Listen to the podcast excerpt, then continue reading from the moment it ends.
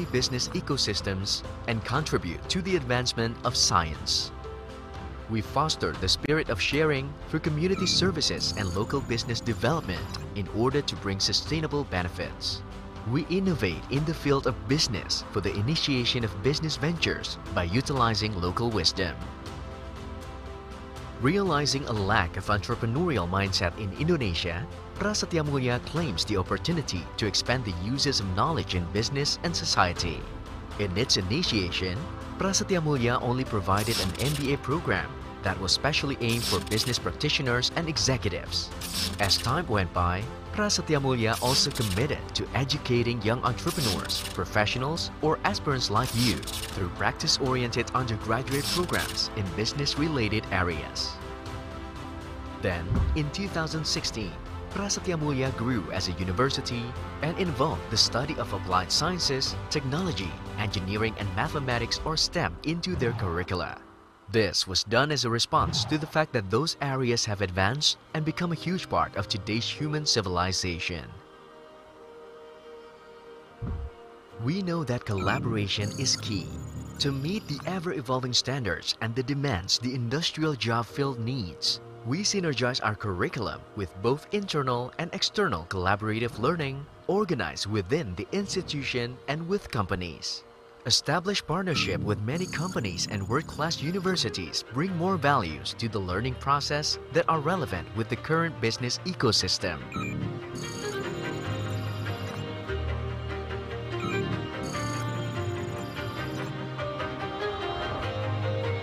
Held in Cilandak campus, the graduate programs, Master of Management and Doctoral Program in Management and Entrepreneurship prepare to cultivate the next generation of Indonesia's executives and entrepreneurs.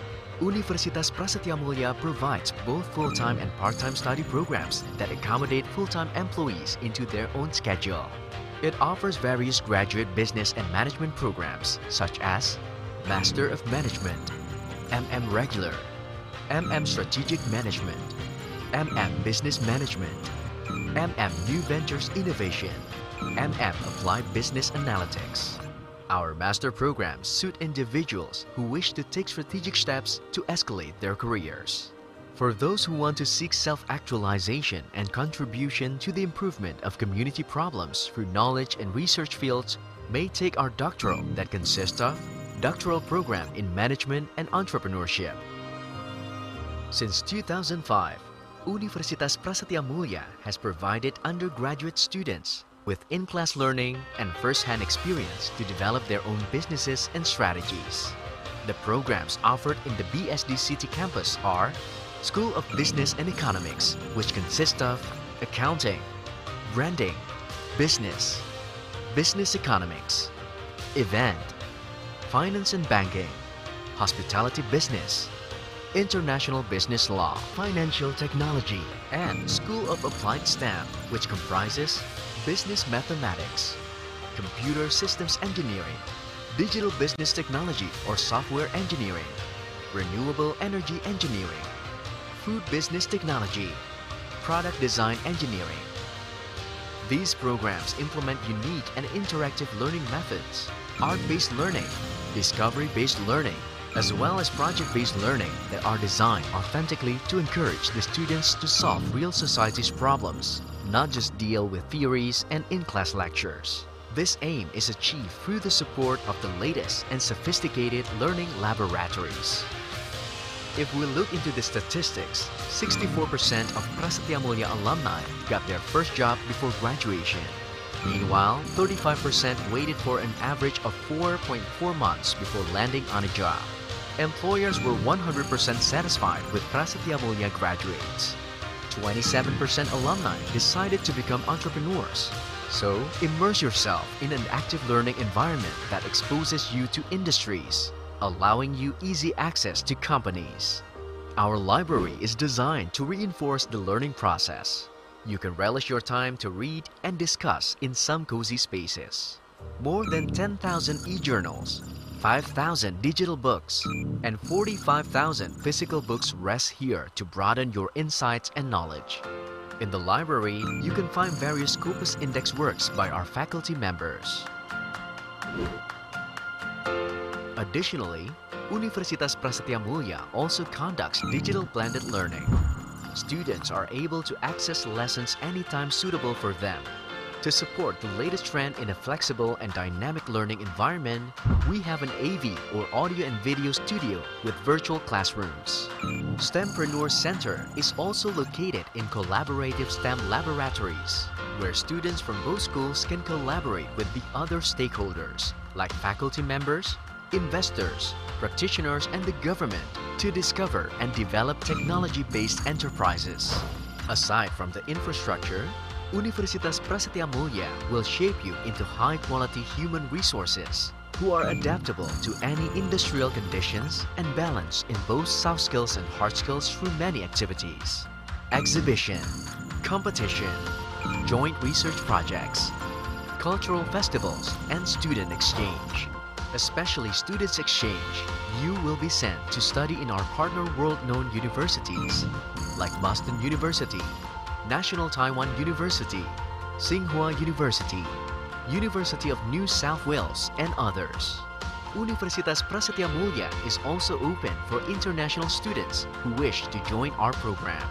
With our lifelong learning philosophy, we actively prepare students before facing real global business situations through their Career Development Center and Alumni Network Ikatan Alumni Prasetya Mulia or IKAPRAMA. Sharing sessions, talent scouting, workshops, consultations, and various social events are held as a helping hand for students. Because Universitas Prasetya Mulia believes that doing is more important than just knowing. Universitas Prasetya Mulia, collaborative learning by enterprising.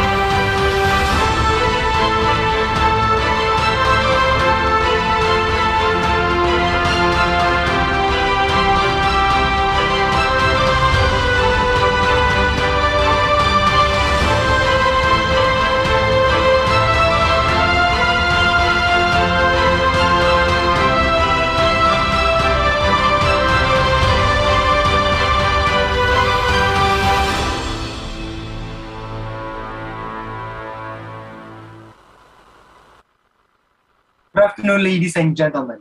Welcome to Discuss on 2021 SBE Webinar Series number two. My name is Owen Lim, a 2019 undergraduate student of Universitas Prasetya Mulia, majoring in finance and banking, and I am your host for this afternoon's event. It is such a great honor for our committee to have you here with us. Thank you so much for coming. And let me begin by giving you a warm welcome to Discuss on 2021 SBE Webinar Series number two, Battling the Myth of Asia's Stock Market, the Past and the Future. I, on behalf of committee, would like to welcome Professor Agus Suhadi, PhD, Vice Rector 1 of Universitas Prasetya Mulia, who will be giving the executive notes. And welcome to all speakers, Mr. Harold van der Linde, book author of Asia's Stock Market from the Ground Up, Mr. Agus Salim, faculty member of Universitas Prasetya Mulia, Mr. Dandy Rafitrandi, researcher at Department of Economics, Center for Strategic and International Studies. And last but not least, welcome to all audiences from around the world, Singapore and Philippines. And for a brief information about today's event, Discuss on 2021 SBE Webinar Series number 2 is a discussion forum to reunite practitioners, educational facilitators, and book authors to discuss the most current topics in business, economics, tourism, and other crucial industries. This is an annual webinar event that comes in several series. Before we enter today's discussion, everyone is kindly asked to abide to some regulations as noted on the screen. And here are the webinar regulations.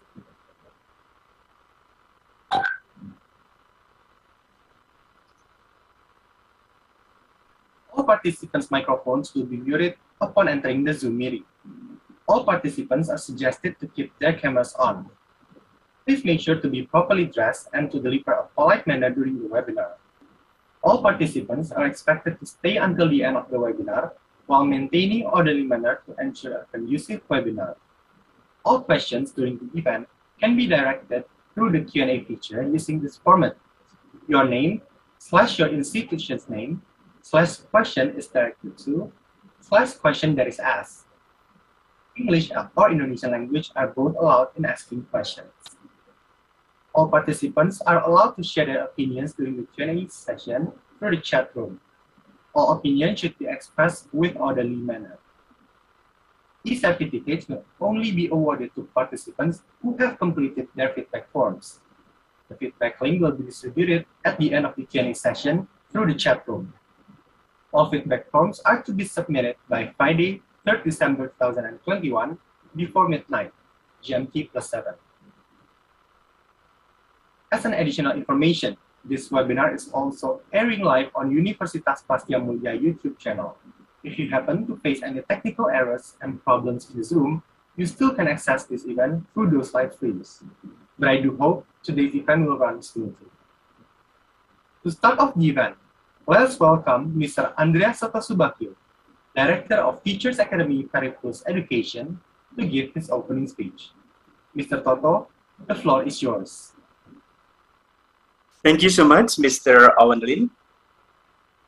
Good afternoon, all the distinguished speakers, the Civitas Academica of Universitas Prasetya Mulia, and all the audiences wherever you are now. My name is Toto Subagio, and on behalf of Periplus, please allow me to express our appreciation for the opportunity as well as the honor to work with Universitas Prasetya Mulia on this event. Thank you very much. About a year ago, Periplus had a virtual discussion based on Harold van der Linde's book entitled Jakarta, History of a Misunderstood City, published by Marshall Cavendish in 2020. The book has made Jakarta with its old buildings, its history, its dynamic subculture, and so on, more human, more alive and lovable. Not only does it help people connect to the past, but also to understand and appreciate what is now with an inspiring future outlook. Now, Harold, the same author, comes up with his new book, Asia's Stock Market from Ground Up, also published by Marshall Cavendish last month. Congratulations, Harold. The author invites us to understand the landscape of stock market in Asia. He skillfully makes the so-called lay people, just like me, to learn more about the topic. Just like the previous book I mentioned before, Harold also invites us to connect to the past as well to the future while firmly stand on the ground, here and now, what to do. Moreover, Harold gives his personal touch by including some anecdotes from his own experiences. So, have a very fruitful discussion, critically probing the ideas as well as the accounts presented in the book by the author. Thank you very much.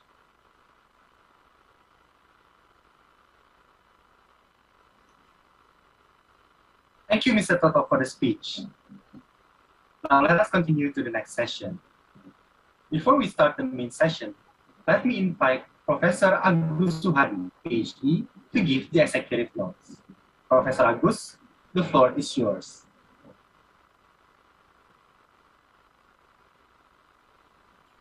Okay, thank you, Owen. Yeah. Good afternoon, Mr. Harold van der Linde, the authors of Asia Stock Markets from the ground up, Mr. Toto Subagio from the Periplus, and the speaker, Dandy Rafitrandi and Agus Salim. And good afternoon, everyone. It's honor for me to give an executive note in this event. It is interesting topic in the second SB webinar series, Bettering the Myth of Asia Stock Markets, the Past and the Future.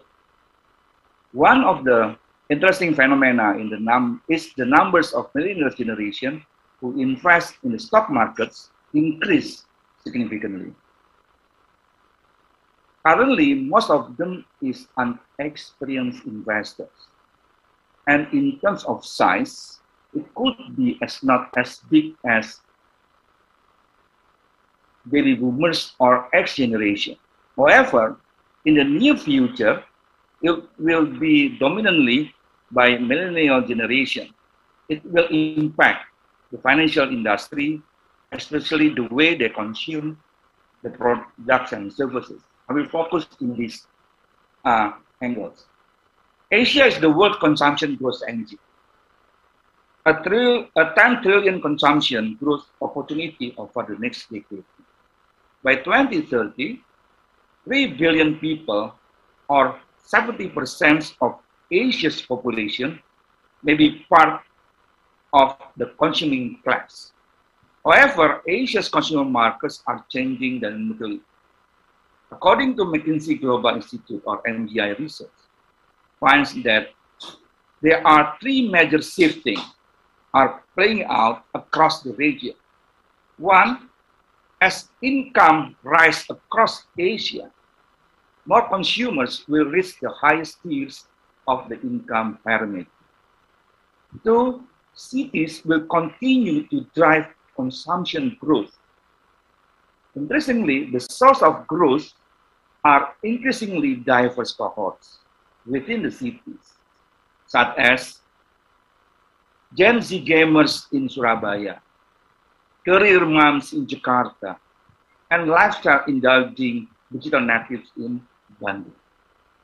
Three, new, consum new consumption curves are emerging in specific categories, such as 15 to 25% of value in, in the banking sector may shift to new consumption curve. Apart from the three major shifting, the new growth angles are emerging in financial services. Accordingly, that new eight new relevant angles relevant to the financial services. One, the big convergence.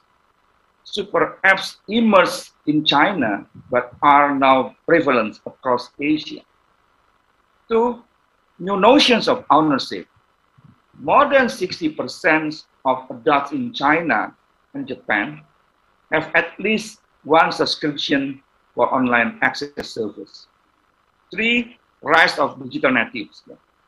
It may represent 40 to 50% of total consumption with greater willingness to take a consumer debt, but less prone to engage with the conventional banking products. Five, F4, new channel mix. Asia's share of active digital banking users increased to 88%. However, only 20 to 30% acquired banking products. Five, segment of one. More than 45% of, of survey consumers in China, India, and Thailand say they share the data for personalization compared with less than 30% in Europe. And six, women's economic empowerment. 30% additional consumption could be at stake, due to the empowerment of women. Seven, aging. Senior consumption will grow 1.5 to 2 times faster than the consumption growth of the general population. And eight, eco-responsibility. More than 50% of survey consumers in Asia change products and services due to their buy up of concern about climate change.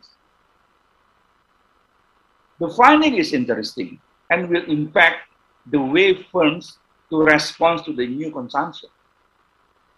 Firms need to prepare for the next decade of competition as Asia consumer landscape reshapes. At least three key actions firms may need to consider. One, redraw your growth map. Redraw your growth map. Firms may need to rethink how demand for their products and services likely to evolve and to look carefully at which the growth angles are relevant to their businesses. To increase your agility, with a refreshed growth map, firms may then consider adopting a more agile operating model and increasing the speed of innovation in order to get to market more, quick, more quickly. Three, open up. Firms not only need to be agile, but also need to take an open networks approach. Firms need to decide whether to lead their own ecosystem or participate in an existing one, depending on which role they could fulfill most effectively. In short, I can conclude that Asia dynamic consumer markets require financial services firms to increasingly understand and learn how to serve market they are changing radically. Thank you to Periplus Publisher to support this event. Thank you to Eko Yulianto and Penny Zulandari for organizing the event. And enjoy the second SBE webinar series. Thank you.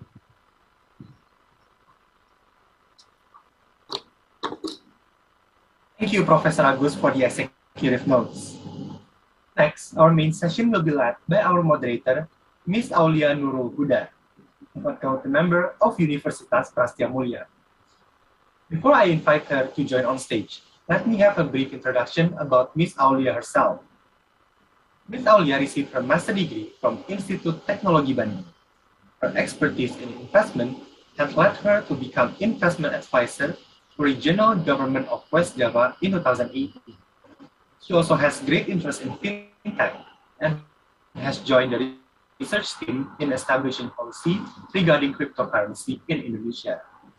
She is also an ESG investment specialist and has become lead consultant the index since 2019.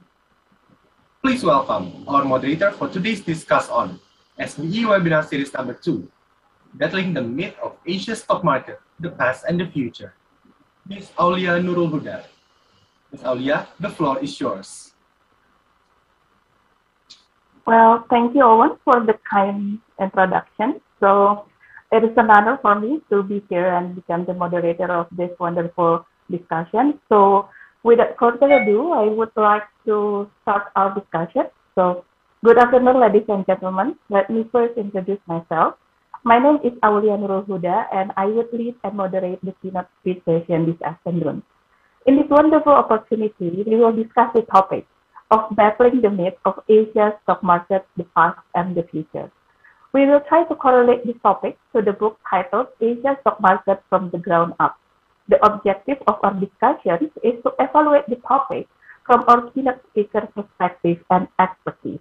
It is not to judge or review the book content. It is now my pleasure to introduce our keynote speaker here. Um, first, we have Mr. Harold van. He is the HSBC Chief Asia Equity Strategist, also known as the Flying Dutchman, given his frequent travels around the region. He and his Indonesian wife are based in Hong Kong and Jakarta. He is trained as an economist and wrote his master thesis in Jakarta and made Jakarta his home. He later worked as a strategist in South Africa and Taiwan before he became HSBC Chief Equity Strategist for Asia. Pak Harold is as a charter holder, a member of the advisory board of the Chinese Studies program at Hong Kong Baptist University. He speaks seven languages, including Bahasa Indonesia, and is a certified lecturer for the Wine and Spirit Education Trust. He published a book on wine in 2012 titled A Good Year to Learn About Wine and one on Jakarta history in 2020 titled Jakarta History of Misunderstood Beauty. And of course, he's also the author of, uh, of, of the book that we will discuss today, Asia Stock Market from the Ground Up. Uh, good afternoon, Pak. Thank you very much for, uh, for the kind introduction. Um, uh, Ms. Aulia, and also thank you very much to Pa Agus Suhadi for the introduction, Pa Toto and Mas Owen Lim, who did the, um, uh, the very start. Um, I'm going to share my presentation to talk about uh, Asian stock markets in, uh, in, in, in a second, and I hope this is visible to everybody. I just put some QR codes here for people that might want to look up the book, but what is key, I'm going to talk a bit about the history of markets because quite interestingly, Indonesia actually stands at the very, uh, the very base of uh, the start of stock markets. And I'm using that a little bit to explain how we approach stock markets, which is a tug of war. And then we're going to look at all the key stock markets across the region highlight some of the big themes. And if we have time, also look at what has happened in 2021. But I'm going to start a couple of hundred years ago in 1602, when people gathered together and um, started to finance expeditions. These were the Dutch and the Portuguese expeditions to what is now Indonesia to buy spices in the um, renowned spice islands in the Moluccas. Um, the Portuguese were the first to go. The, uh, the Dutch came a little bit later. They had individual expeditions whereby people came together, got a ship, and then sent it off. The problem was, of course, that that ship could be shipwrecked, could get into a storm, it might not come back, and you would lose all your money. Um, and they made two changes to that. In 1602, they decided that instead of people buying individual ships or groups of people doing so, they put everything together in a company that would finance all the expeditions for the next 22 years to Indonesia, or what is now Indonesia. Um, so they all came together with the obvious benefit, not only that you basically, if one ship would go, other ships would survive and bring back uh, spices that could be sold, so your risks were much lower, but also you now had a right to all the dividends that were going to be paid for 22 years. And actually, after 22 years, they extended it for uh, what eventually became 200 years. Um, so you had a stream of dividend payments coming uh, coming through. I'm going to go back to this in a second. Initially, they actually traded these shares on a bridge. This is a, uh, a painting uh, uh, somebody made in 1618 of Amsterdam. That bridge is there in the very front. They traded shares, but if you've ever been to Amsterdam or London, it is pretty bad weather they have here. It rains all the time. So they needed a building. And eventually they built a, a building where you could not only buy stocks, but also commodities and these things. And that building is also there on this particular picture. It's called the Beurs. And it's in the back, it's you can see the S is a little bit gone that's on the uh, in the back on the left of this particular painting. And this was the very first, yeah, purpose-built stock exchange in the world. Now the French thought this was a good idea. They took it over. The London people took it over as well. The London Stock Exchange soon became much bigger actually than the Amsterdam one. Uh, the Americans thought it was a good idea, and the first stock exchange in 1880 appeared in Asia, in uh, in India. what is maybe interesting to show as well that the oldest share certificate in the world is still around as well. This is one of the original share certificates issued in 1602. Actually, this guy only picked it up in 1606. We're not quite sure why. Um, and on one of the papers on the front, this on the left, you can actually see his name. If you would read Old Dutch, but it basically says that a particular gentleman had put 150 guilders. That's about, say, uh, 75 euros at the moment, but was much, much more in those days, into um, into this new enterprise. And you can see on the next page all the years and all the sort of dividends that he arrived. In 1634, for example, he got a bag of nutmeg and cloves that had arrived out of Indonesia. Um, now, this is all nice and well, but I use this a little bit to explain to people how to think about stock markets, how we think about stock markets. You know, in a sense, it is a large discounting machine. It, it is a very large uh, uh, group of companies that all generate profits and dividends. But of course, the profits and dividends that come into the future are less valuable to us than the ones that would be paid this year or maybe next year. And therefore, we need to discount those. So there are two things that play really in, in stock markets. It's the stream of profits or dividends that are coming through and the discount rate that we attach to those future profits. And those two are really the way we look at stock markets. If anything happens in stock markets today or tomorrow, and people in the bank ask me or HSBC clients ask us, um, what are we going to do? What do you think the impact on the market will be? I look at what is the impact on profits, and I look at what is the impact on discount rates. And discount rates are, in essence, just bond yields. Now, if that's our framework that we're going to look at stock markets, how has that fared over the last kind of 20 years or so? Now, average Asian earnings growth has been quite robust. It's um, about 13% over the last 20 years, pretty good. Quite volatile, as you can see on the left-hand chart. So that's good. And the bond yields, the discounts that we attach to future profits, has also come down. You can see this on the right-hand chart. And that's also positive. So net net, yeah, that suggests that actually this should have been positive for stock markets. And indeed, Asian stock markets would have gone up. Um, if you would have invested $100 in 2001 on the 1st of January into Asian stock markets, you would have actually, I'm going to actually go to the slideshow here, because I see now that I'm still in the old view. You would have had now something like a little bit less than the US, $510. If you would have put the money into the US market, the S&P 500, you would have made $570. So a little bit more than that. But that's actually not a fair comparison. And I'll show you that in a second because Japan and Singapore haven't done so well, and many other markets, including the Indonesian markets, have actually done much better than, uh, than, than, than this. Now, these are the markets in Asia that we're going to look at in comparison, how much they trade and how big they are. You can see the US is still the biggest market compared with all the other markets we have in Asia. But if you put China and Hong Kong together, well, you're getting something that's not far off. Japan is sizable. Taiwan and Korea are a bit smaller, but are actively traded markets. A lot of local retailers are active in there. India is big, and then you have the ASEAN markets, which are all of them growing, uh, but a little bit smaller as well. And one of them that actually deserves attention is Vietnam here, because that one is growing quite rapidly as well. Now, we can talk about all the individual markets, but what I'm going to do is to globber them together, to put them together in groups, because there are certain markets that, although they are different, they look alike in the way they behave. And that's I try to illustrate in this picture with the dogs. And we typically look at correlations between markets to identify that. Um, and roughly speaking, there are four blocks of markets. You've got the mainland China block, uh, Hong Kong fits in there as well, Singapore you could put in there. You got the North Asian uh, market, Korea, Taiwan, Japan probably fits in there, a bit of a special case.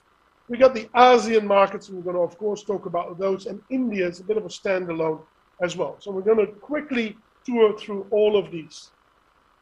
But the way to think about the Chinese stock market starts actually with me, myself, backpacking in Asia. This is a picture from 1990. This is not China, as most of you will know. This is the Bromo in East Java. But I use this as an illustration. I was backpacking around. I traveled through, uh, through Indonesia, had a phenomenal, fantastic time and also traveled through China in that year.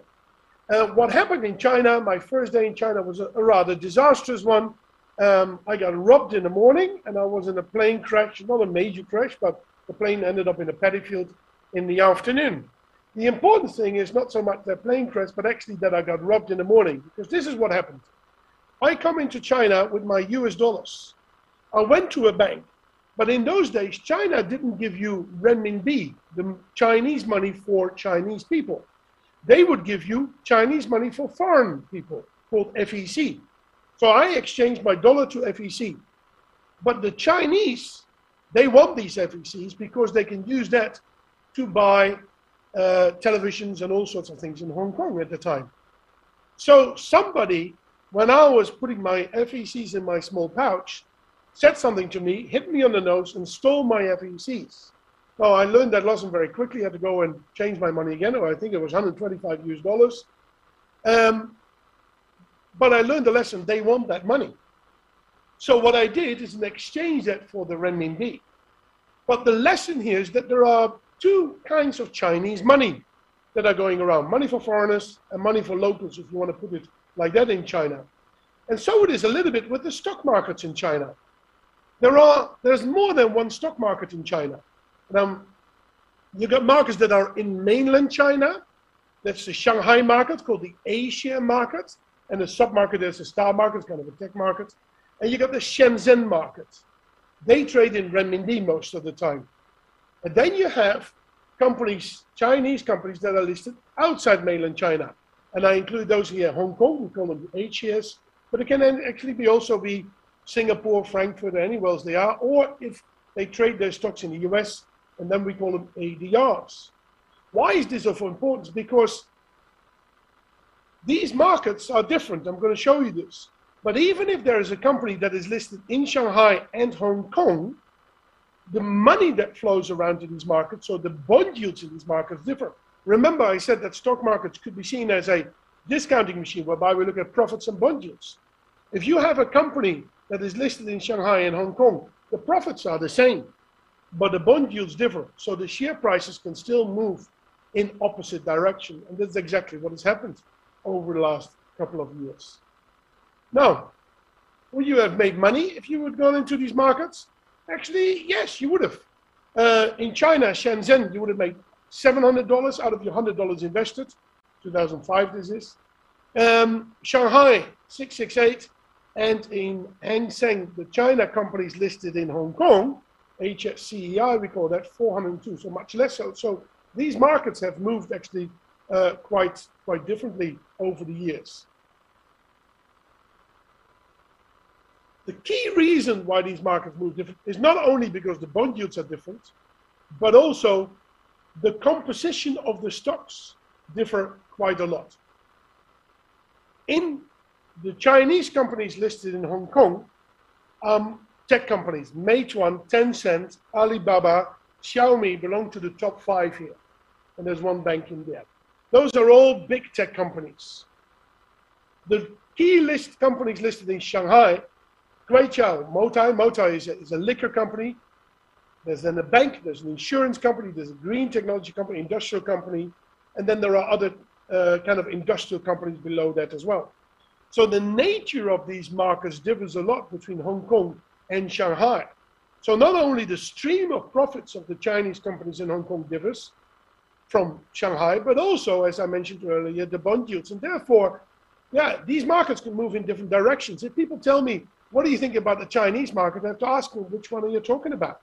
Because I can see that Hong Kong can go down and Shanghai can go up.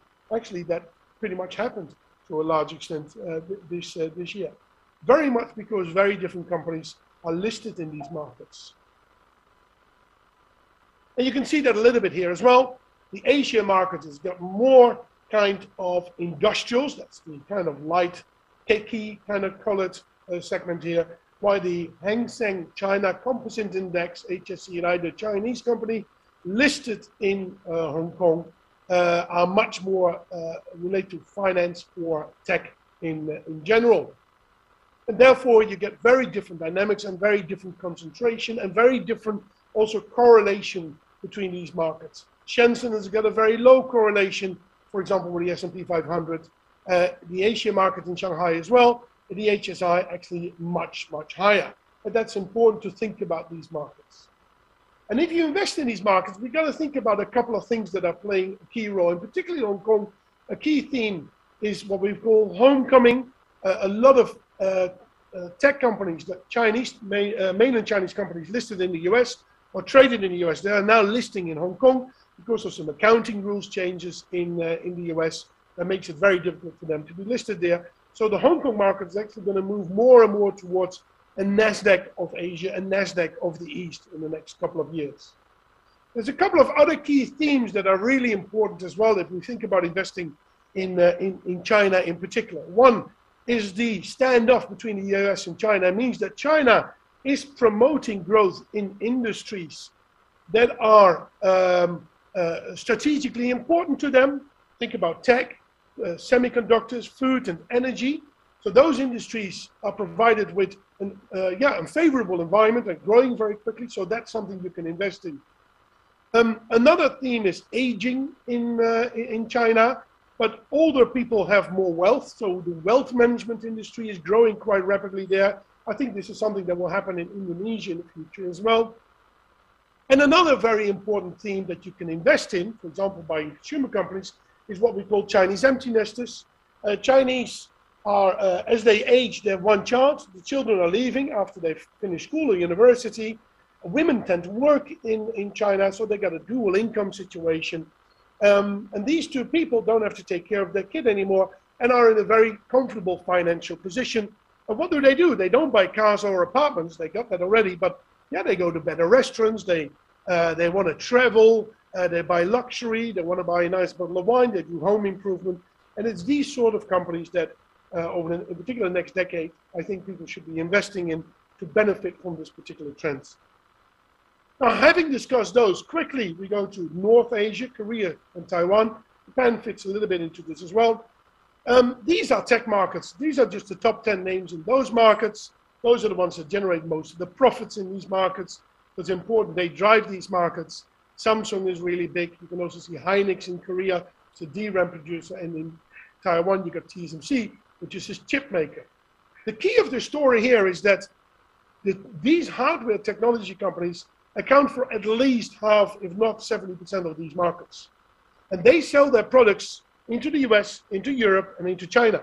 So what happens in the local economy, in Taiwan uh, in particular, is almost of no importance to us. We have to see what is global demand uh, in order to understand what happens with these markets. And therefore, these markets tend to also have a very high correlation with what happens with the S&P 500, the US stock market. You can see that here in some of the numbers. That correlation is further exacerbated, you could say, by a very high concentration, almost 60%, in particular in Taiwan, of some of these tech companies. They make up 60% of all uh, the profits in, uh, in, in, that, uh, in that market. So those are kind of global cyclical markets, I would, uh, I, I would say. They've performed pretty good over the last couple of years. Um, you would have made about $500 from your $100. Remember, in the US, you would have made about five, um, 570. Um, so not far out. Taiwan has done a little bit less, but that's really because in the very early years, it didn't really move anywhere in, in the early 2000s because it came out, out of a tech bubble in, uh, in uh, that was apparent in 2000. And then I'm going to quickly look at India and ASEAN. And I've put this a little bit together because there are a couple of interesting similarities here. We can understand maybe ASEAN market by also looking at India to a certain extent. India is a, is a vast continent that is extremely diverse. I tried to illustrate it with all kinds of demographics here. We don't really have to go into detail into that. Um, but this is important because you've got to understand the different localities in India, south and north and east and west and the center, um, the way people live, marry, what they eat, it differs all very much. Now, the top 10 companies in India is really a mismatch of all kinds of companies. Um, oil is the number one, a bank, a tech company, a software company, then another bank, then another uh, one. There's another IT company called Tata. You can see two larger domestic oriented companies, a paint company and Hindustan Unilever. India, and this is the key message, is the most diverse market in the region. It's got pretty much everything. It's got global players and it's got local players. And, and they, they are almost equal in size. And this is important to me because it means that if domestically things are not doing so well uh, because of the economy, the stock market can still do good insofar the exporters do well. And if the exporters don't do well, it might well be that the domestic market does well. So that balances some of the risks out in India, and it made it actually one of the best performing markets over the last 20 years or so. The key of the story in India is that um, most people still live very rural, so you need to buy companies that can distribute to rural localities, and that is not easy in India. And some companies have an incredible network, distribution network, and have turned themselves into the most profitable companies in Asia. Um, foreign companies try to come in. There's a couple of headlines that suggest that, but they really struggle to uh, to do that. So there's very high barriers to entry in uh, in that particular sector. And then they have IT and pharma, which are global industries, as I mentioned earlier on. Um, and these companies have done phenomenal well and really helped India to become one of the best performing markets in the region. Uh, and then you can see here, uh, $100 invested in 2000 would now be $962. So that would have done really very good. But this is important because some of these themes play in ASEAN as well. You can see here, this is a picture of a street in uh, somewhere in Central Java. I suspect it's uh, Yogyakarta or something like that. Um, but again, ASEAN is big and it's, it's got a lot of consumers, but they are spread out over the Indonesian Philippine archipelago. And in order to get to these consumers is very difficult. But if you can do that, just like in India, you can become very, very profitable. And some companies have successfully arranged that. Now, what is happening, of course, is that in the past this was really difficult, but in the future this is changing because some larger tech companies have figured out uh, how to do this. I'm going to finish it up uh, uh right now. Okay. Uh, and some larger tech companies are going to be listing uh, very, very, very soon. So that is diversifying this market. The key of the story in Indonesia is that it's actually still a very traditional market with kind of food companies and banks. The earnings volatility is the, one of the lowest in the region, but the market moves a lot. The earnings don't move a lot. It's the bond yields that are very volatile. So investing in Indonesia, you have to look at what happens with global bond yields. And if they go against Indonesia, that is sometimes a very good time to invest in that particular market. Now, with that, I now get signals that I've run over my time. So I'm going to stop right here. And if there are any further questions, we can look at it. But as you can see here, Indonesia has been one of the best performing markets over the last 20 years or so. And with that, I'm going to stop sharing it and pass it on to the next speaker. Thank you, Harold, from, for the very insightful presentation. Uh, it is very interesting to learn the different characteristics of stock markets in Asia. Uh, but I do hope that we will have more opportunities to discuss more about that. So for now on, let's uh, move on to our second speaker. Uh, our second speaker is Pak Agus Salim. Pak Agus Salim is a faculty member in Universitas Prasetya Mulia he received his master and doctoral degree from Universitas Indonesia, and he has past experience in Indonesia capital market, as he was once director of PT CIMB Principal Asset Management and PT Bowstrip Asset Management. Uh, Pak Agus Salim is also CFA charterholder. So if Pak Harold talks about the characteristics of uh, different Asian uh, markets, then Pak Agus Salim will try to discuss more on the individual um, investor perspective. So what should we pay attention in investing in stock and how can we become a wise investor? Pak Salim, the floor is yours.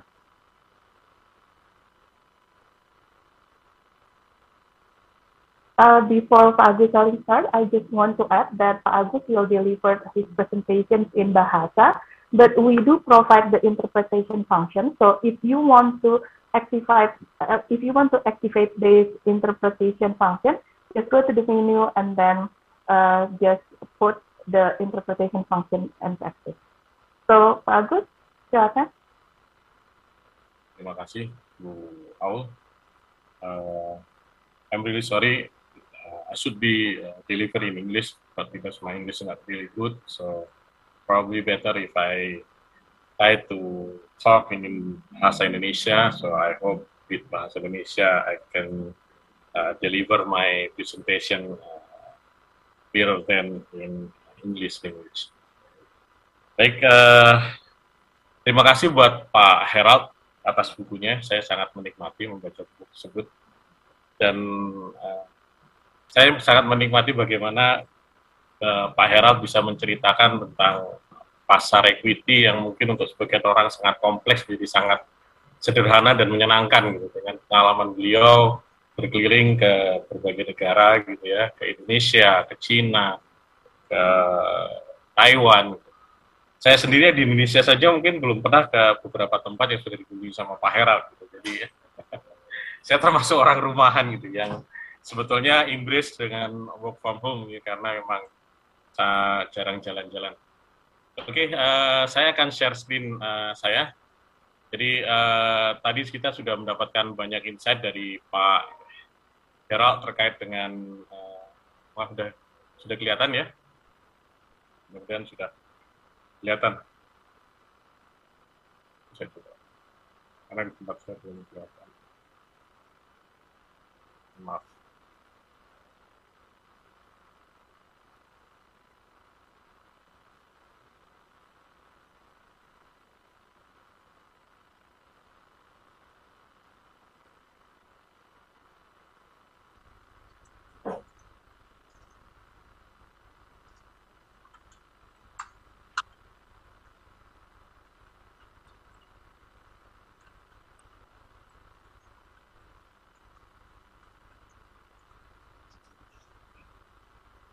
Ah, ini dia.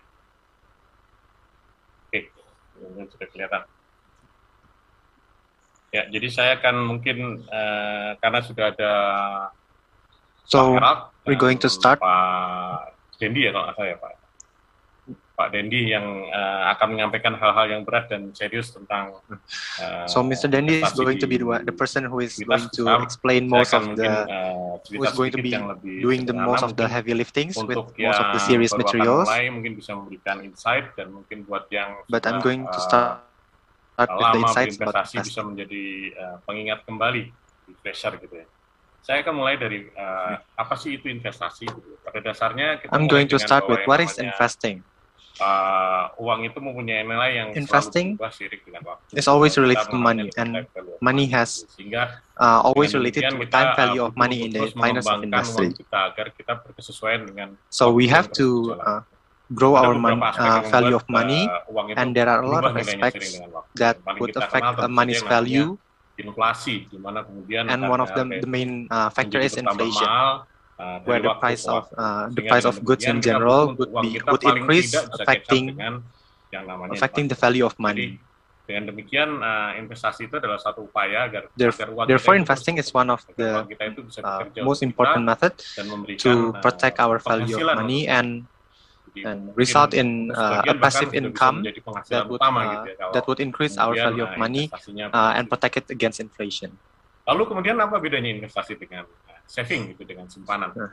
Tentu saja semua mulai so what dari is, saving. Uh, ya. Kenapa dong? The difference Karena between investing and saving. saving itu adalah bagian dari uh, uang kita. Everyone always starts with saving. Ya, jadi Save, tidak kita konsumsi. Saving is uh, setting aside some uh, money that we do not dari use. saving tersebut yang biasanya nanti kita gunakan untuk and darurat those savings would uh, generally be used uh, in future uh, nah, future Karena kemudian uh, bahwa uang yang kita simpan tadi mungkin nilainya berkurang seiring dengan waktu, maka kita butuh untuk invest. Most of the time when the price of goods uh, bisa berkembang. raises, uh, those savings could be used to protect it uh, and use, uh, can can be used to uh, consume goods in the future. Mata uang tersebut seiring dengan waktu.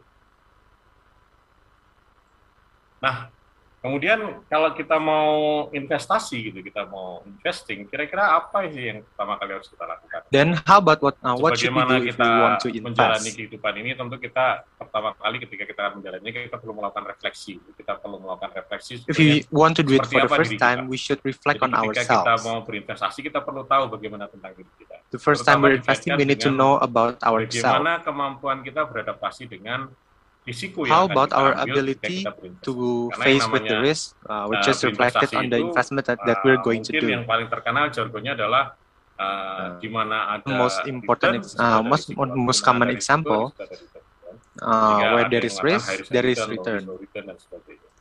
And uh, as everybody knows, high risk, high return, and low risk, low return. So that should reflect uh, on how we are going to do our investment. lagi untuk apa sih kita mau investasi gitu ya.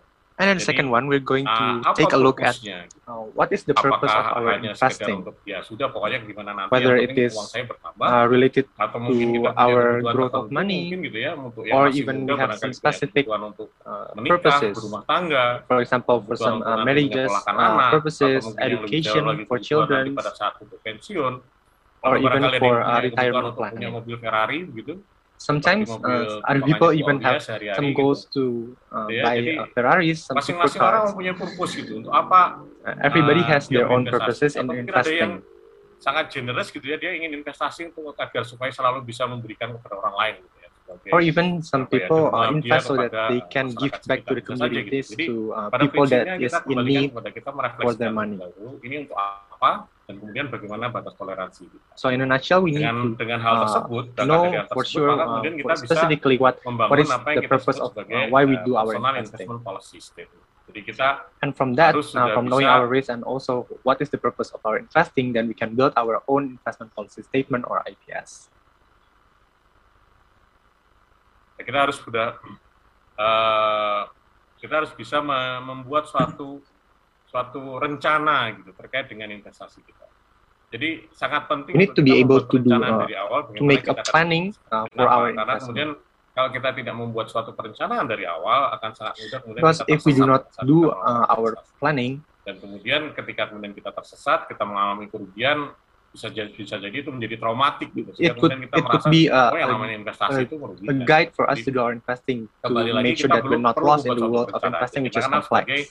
Uh, so that's why we need a planning in the dalam beginning, investment policy statement itu, which is called the investment policy pertama statement. kita tetapkan objektif kita apa. Jadi ketika kita sudah punya fokusnya, kita punya batas toleransi kita the first seperti one apa, we need sehingga kita tahu to kita ensure is uh, what is our purposes on this investing.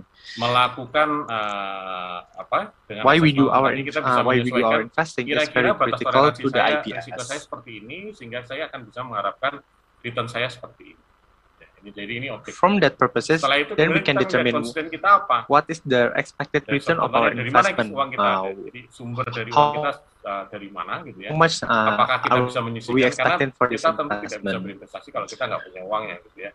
Jadi sumber uang and then the sources of income would actually uh, affect the IPS uh, in, in, a, in an important manner as well. Kita memiliki yang kita bisa investasi whether it, it comes from our uh, main income, which is from wages or uh, or from our wages, and it would uh, it would determine how we're going to invest, uh, whether it is periodically or just in a lump sum uh, method in in one time manner. Dan terakhir terkait dengan liquidity.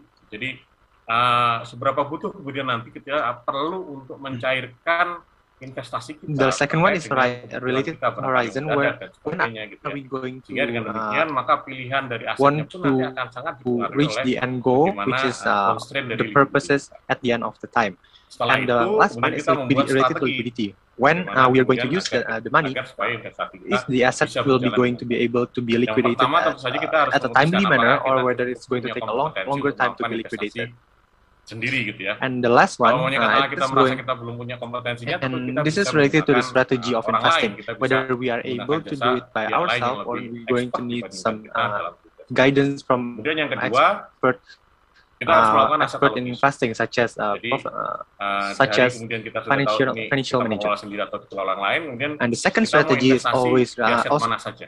related to the asset Setelah allocation. itu dari masing-masing aset kita whether we're going akan mencari to, secara spesifik uh, instrumen investasi apa, sekuritis apa yang kita akan investasi. Investments such as stocks, bonds, or even deposits. Nah, uh, kita and masuk last ke dalam after we uh, strategi. security itself Yang pertama terkait dengan uh, melakukan alokasi terhadap aset kita. Gitu ya. Jadi On to the next, we're going to take a look at the strategies on kita our investing. mengalokasikan uh, dana investasi kita kepada aset kelas aset kelas yang ada asset allocation involves dividing an investment portfolio among different asset categories. Uh, that could be divided into two major categories, which is non-financial assets and financial assets. tentang portfolio dari aset finansial. Walaupun kalau kita and during this time we're going to uh, focus jauh, more on the financial assets such as bonds, stocks, and cash. termasuk dalam hal ini adalah aset non finansial. Contohnya mungkin kita punya properti gitu ya. For example, we have uh, we could may have uh, other kind of gitu ya. uh, investment assets such as uh, financial assets such as uh, property or real estate. membeli lukisan barangkali or others some have some hobbies are related to uh, collecting gitu ya, termasuk salah satu paint uh, investasi yang non finansial. Lalu kemudian yang finansial yang seperti apa? And then some others are uh, more heavily focused on the financial assets investing. Dan pasar uang. Pasar uang ini uh, deposito, uh, dan dan sebagainya.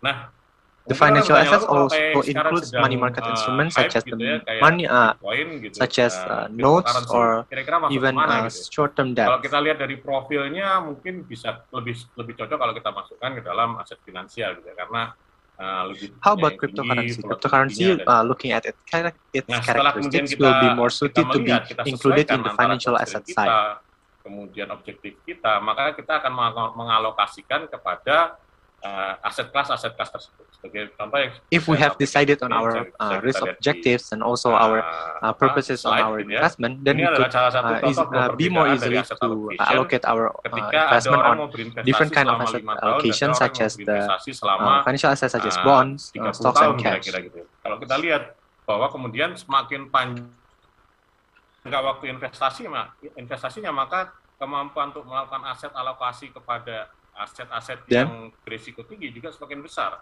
Jadi kita lihat then uh, if we have some uh, risk appetite which is uh, uh, looking for more risk of the uh, on our investment, uh, then we could kita sudah um, mulai then we then we would uh, allocate more on uh, have on a high risk investment. Uh, yang berisiko seperti katalah uh, saham risiko tinggi gitu ya, kemudian ada yang risiko menengah.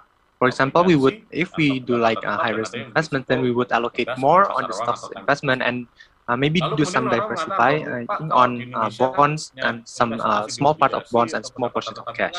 Susah kan kita beli obligasi di mana?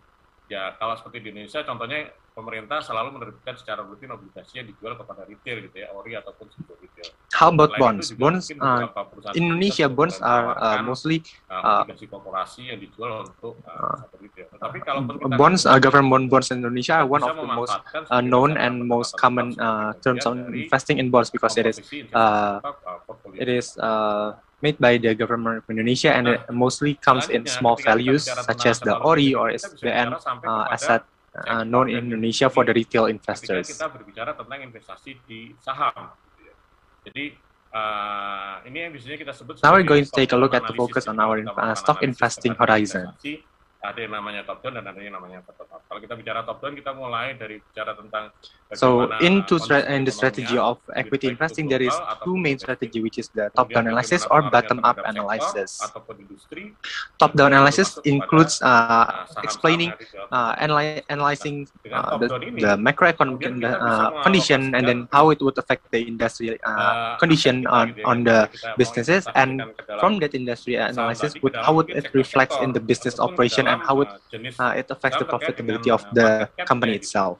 Jadi dengan demikian dari top down analysis ini kita bisa melakukan So from that top down analysis, we could uh, actually uh, determine our asset allocation uh, and what kind of sectors uh, will prevail in this uh, conditions, how the macro, uh, in this macroeconomic condition, what industry will be uh, outperforming the other uh, sectors of the financial industry. And from that sectors, then we could be more specific and determine which stock and which company to uh, to choose from from that uh, horizon of uh, industry that we have chosen before.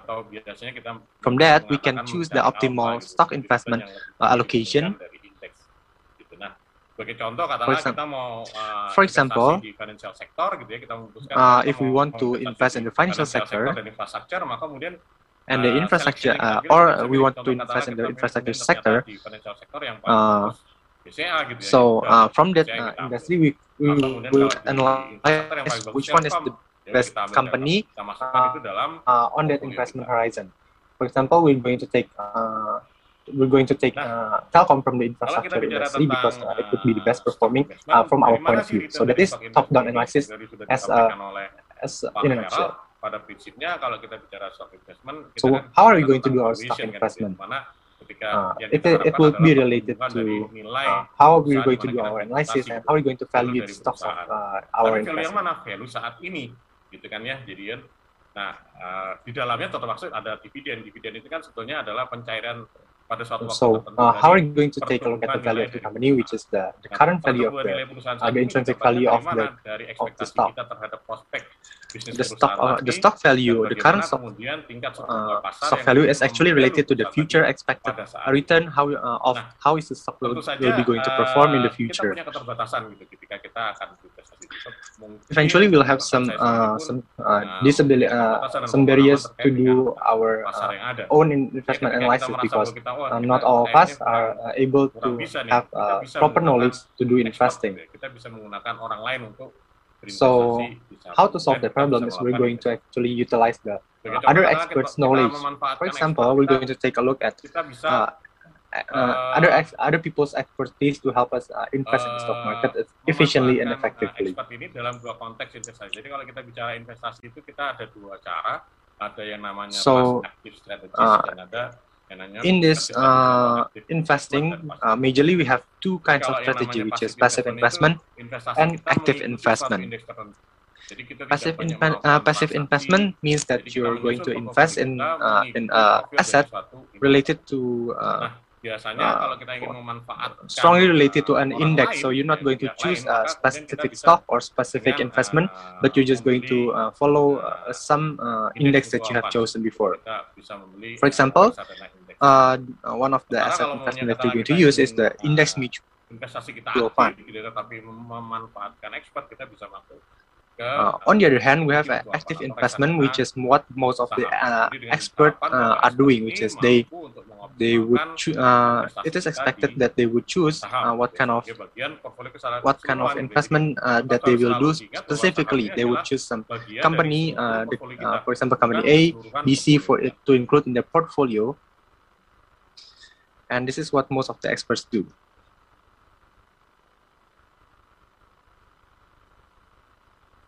Selanjutnya kalau maunya kita mau investasi sendiri seperti apa gitu? Kita juga tetap bisa melakukan passive uh, investment uh, how about what we're going to do when we want to do our own investment? investment kita bisa we can do our own passive investment by building uh, our own portfolio that is uh, similar to an index that we have chosen before For example, if you want to take the index of Sri Kahati index, then we're going to buy all the company that is included in the Sri Kahati index. Kalau kita ambil 5 saham terbesar market cap-nya di Indonesia, itu sudah 30 31 persen dari IDX gitu. Artinya or even the most simple way to uh, imitate uh, uh, index in your portfolio is uh, simply buy the five biggest company with the biggest market cap in the index and that will just replicate the uh, almost 30 percent of the index itself.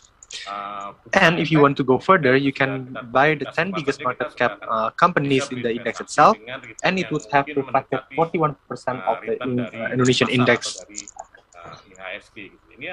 And it would uh, the return of the portfolio would uh, would be highly similar to the to how the index will be performing. Maunya yang lebih dong dari indeks. But some people uh, want more one more risk to uh, that they they would prefer more risk to uh, investing. So therefore, uh, if they have the expertise and they have the belief that they would perform better instead of the index, they could do active investment.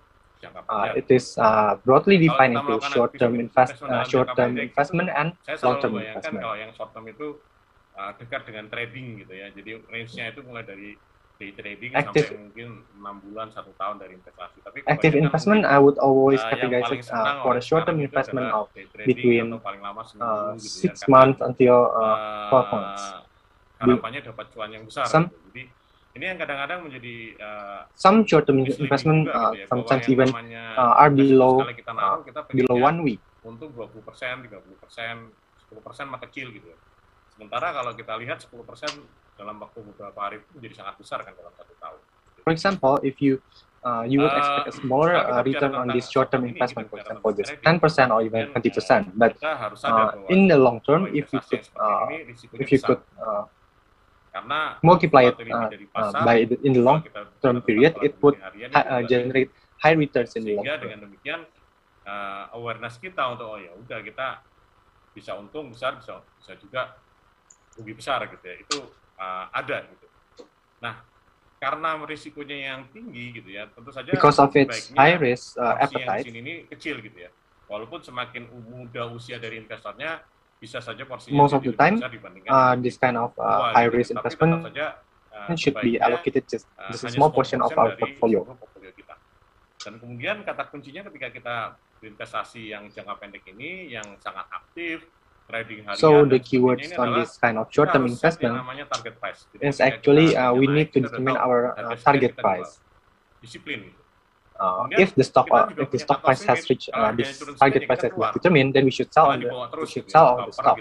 But uh, we we, uh, we should not uh, bring our emotion uh, that when the stock prices uh, rises, we we will hold on to this uh, as long as, as, as its price increases. But we need to be uh, discipline on this uh, target price uh, setting, ya, and we and as long as we have reached the target price, uh, we need to control our emotion and uh, actively sell gitu. uh, the stocks that have the, uh, the target price. Kemudian yang berikutnya kalau kita mau bicara tentang long term gitu ya. And then to the next one, if we're going to take long term investing. Ini karena memang yang namanya saham ini uh, identik dengan investasi jangka panjang gitu ya. Yang namanya investasi jangka so, panjang. So long term investment is always related to long. Gitu, ternyata dia tidak taking a long look at the horizon uh, ketika dia diinvestasikan dalam from one until until three years. Kalau bicara tentang uh, investasi saham di Indonesia gitu ya, ada suatu penelitian yang menunjukkan bahwa ketika kita uh, berinvestasi dari satu tahun ke tiga tahun gitu ya, itu total risk kita itu turun setengahnya. In Indonesia, there are some studies that uh, shows that kan if we're investing from one to three years, uh, from one to three years investment, our risk would would much more uh, decrease. Jadi dengan dengan dengan waktu yang dengan dengan apa uh, dengan bergerak dari satu tahun ke tiga tahun itu risikonya sudah turun setengah. Jadi dengan demikian maka kalau kita bicara tentang investasi saham maka kita harus berpikir bahwa ini adalah investasi jangka panjang. Dan kalau kita bicara investasi jangka panjang, maka tadi sudah dipaparkan oleh. Oh, uh. Kita perlu tema bagaimana tema dari investasi ini ke depan. Dengan demikian, maka kita akan bisa menyusun Harold has uh, mentioned before, uh, we have to determine our uh, investing theme in the long term. What kind of themes will prevail in the long term? What kind of uh, uh, themes will be popular in the market? And we're going to invest on that uh, theme that we have uh, set before. And then we need to note on the diversification of our portfolio and also our sector. milenial gitu, kaum Z itu sudah bisa berinvestasi keluar gitu ya. Jadi dengan seperti paparan Pak uh, and other types of uh, diversification is actually to uh, diversify our portfolio into the global market. If we have, uh, for example, if we want to uh, invest globally, for example, just taking a look at uh, diversifying our portfolio in the Asian market, this, uh, the risk of our portfolio would actually uh, decrease significantly. So uh, again, diversifying is not only just in sectors, but also in industry, uh, but also in the market itself. Which is, if we want to, uh, before we want to invest uh, locally, but now we can invest globally uh, due to the globalization that has occurred uh, upon us. And again, in our investing, uh, it is very related to the, our psychology, which is related to greed and fear. Uh, for example, when uh, kalau katakanlah uh, uang kita sendiri when, kita masih bisa tahan gitu ya. Cuma when market collapses, it would affect our psychology because uh, kita harus cut loss pada most of the time uh, more, uh, the bubbles are related to the fear. Hati-hati dengan ketamakan kita sendiri gitu. Ketika kita lihat kita nggak mau ketinggalan gitu ya. Kita nggak mau ketinggalan untuk dapat so, yang besar. Therefore, when uh, when Uh, nah, tetapi begitu juga when the market behaves irrationally, investors should behave, uh, we should examine whether this market is actually uh, reflecting the own value of the market uh, and the company inside of the market. Uh, but uh, whether uh, or the market is actually uh, acting irrationally with the uh, greed uh, make, make me um, amplify most of the values of the company. Sementara barangkali itulah opportunity kita untuk bisa mendapatkan uh, So, for example, when the market crash, uh, it would most likely uh, cause panic for all most of the investors. So, we would determine uh, how would we maintain our ability to be uh, affected by those markets. There are a lot of tips that Mr. Harold has given in the book. Salah satu yang menarik itu adalah one of the most uh, the most uh, interesting point that I would highlight. slow aja gitu. Dengan slow itu kita akan bisa berpikir dengan lebih cepat. Uh, it's to take it slow, uh, to spend time and thinking slow. Because uh, if we want, if we take it slow, we could just think clearly, and uh, uh, it is better to do our investment uh, without any hurry and without uh, greed and fear in, in, in the time of losing our money. And the second point is to be optimistic that how uh, to always be optimistic on what uh, what would happen in the future and be optimistic uh, that's going to happen to the to the economy. Atau bahkan mungkin ini adalah opportunity kita untuk bisa mendapatkan uh, investasi dan dengan murah dan tentunya akan bisa menghasilkan. So, uh, and second point, uh, so the third point is actually to do a long-term investing.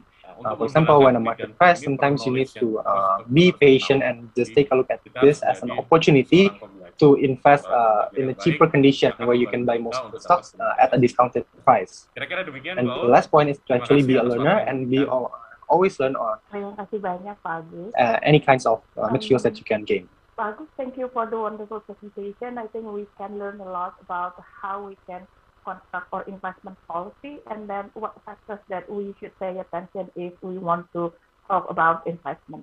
So our next speaker, we have Pak Dandy Rafitrandi. Uh, he is the researcher at the Department of Economics Center for Strategic and International Studies, or CSIS. His research team focused on international trade and regional integration and also digital economy and technology.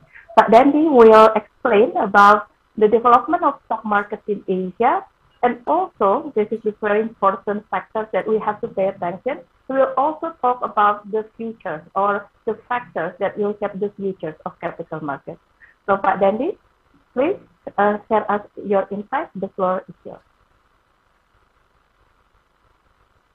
Okay, um, thank you very much. So I hope that the um, my presentation is already there. Is it visible? Yeah. Ms. Aulia. Okay. Yeah. Thank you very much for the introduction, the kind introduction. So, um, uh, first of all, I would like to congratulate Pa Harold as a uh, as the author of the book. I think um, this is very uh, enlightening uh, for me personally. I think it it is like uh, traveling through time and places to all over Asia, um, and having Pa Harold um, uh, as as your tour guide and explain how things developed, um, especially in the stock market, both uh, both in good and bad times. Um, and I also uh, I think I saw some of the way forward um, in terms of how the um, stock market in Asia will develop in the future.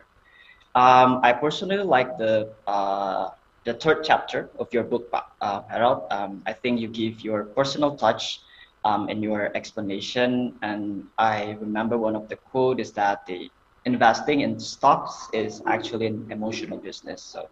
Um, yeah, uh, because I myself a beginner in in the um, investment. Uh, actually, uh, Pa Agus and Pa Harold probably um, already explained uh, in a more detailed um, uh, manners and also uh, more technical about the stock market. But uh, I'll try to uh, sort of like fill in the gap between um, explanation of uh, Harold and Pa Agus. yeah, hopefully it will be beneficial for all of the participants um, in this forum. next, please. So this is just the um, some of the some of the things that we will discuss um, in my presentation. I will discuss the development of the stock market, um, and also I, I'm I will touch a bit about the politics and social economic perspective, um, the rise of the retail investors, and also we will finally um, discuss the future of the stock market in my personal opinion. Um, next, please.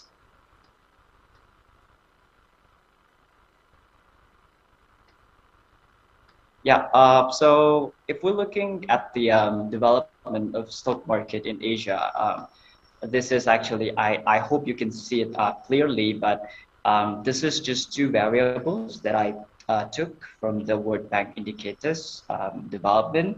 uh, database. So um, there are two variables in the x and y axis, which are the ratio of the total outstanding credit to GDP, um, and also the ratio of the total market capitalization of listed company to GDP. So both are actually uh, divided by the GDP, so it's in the percentage.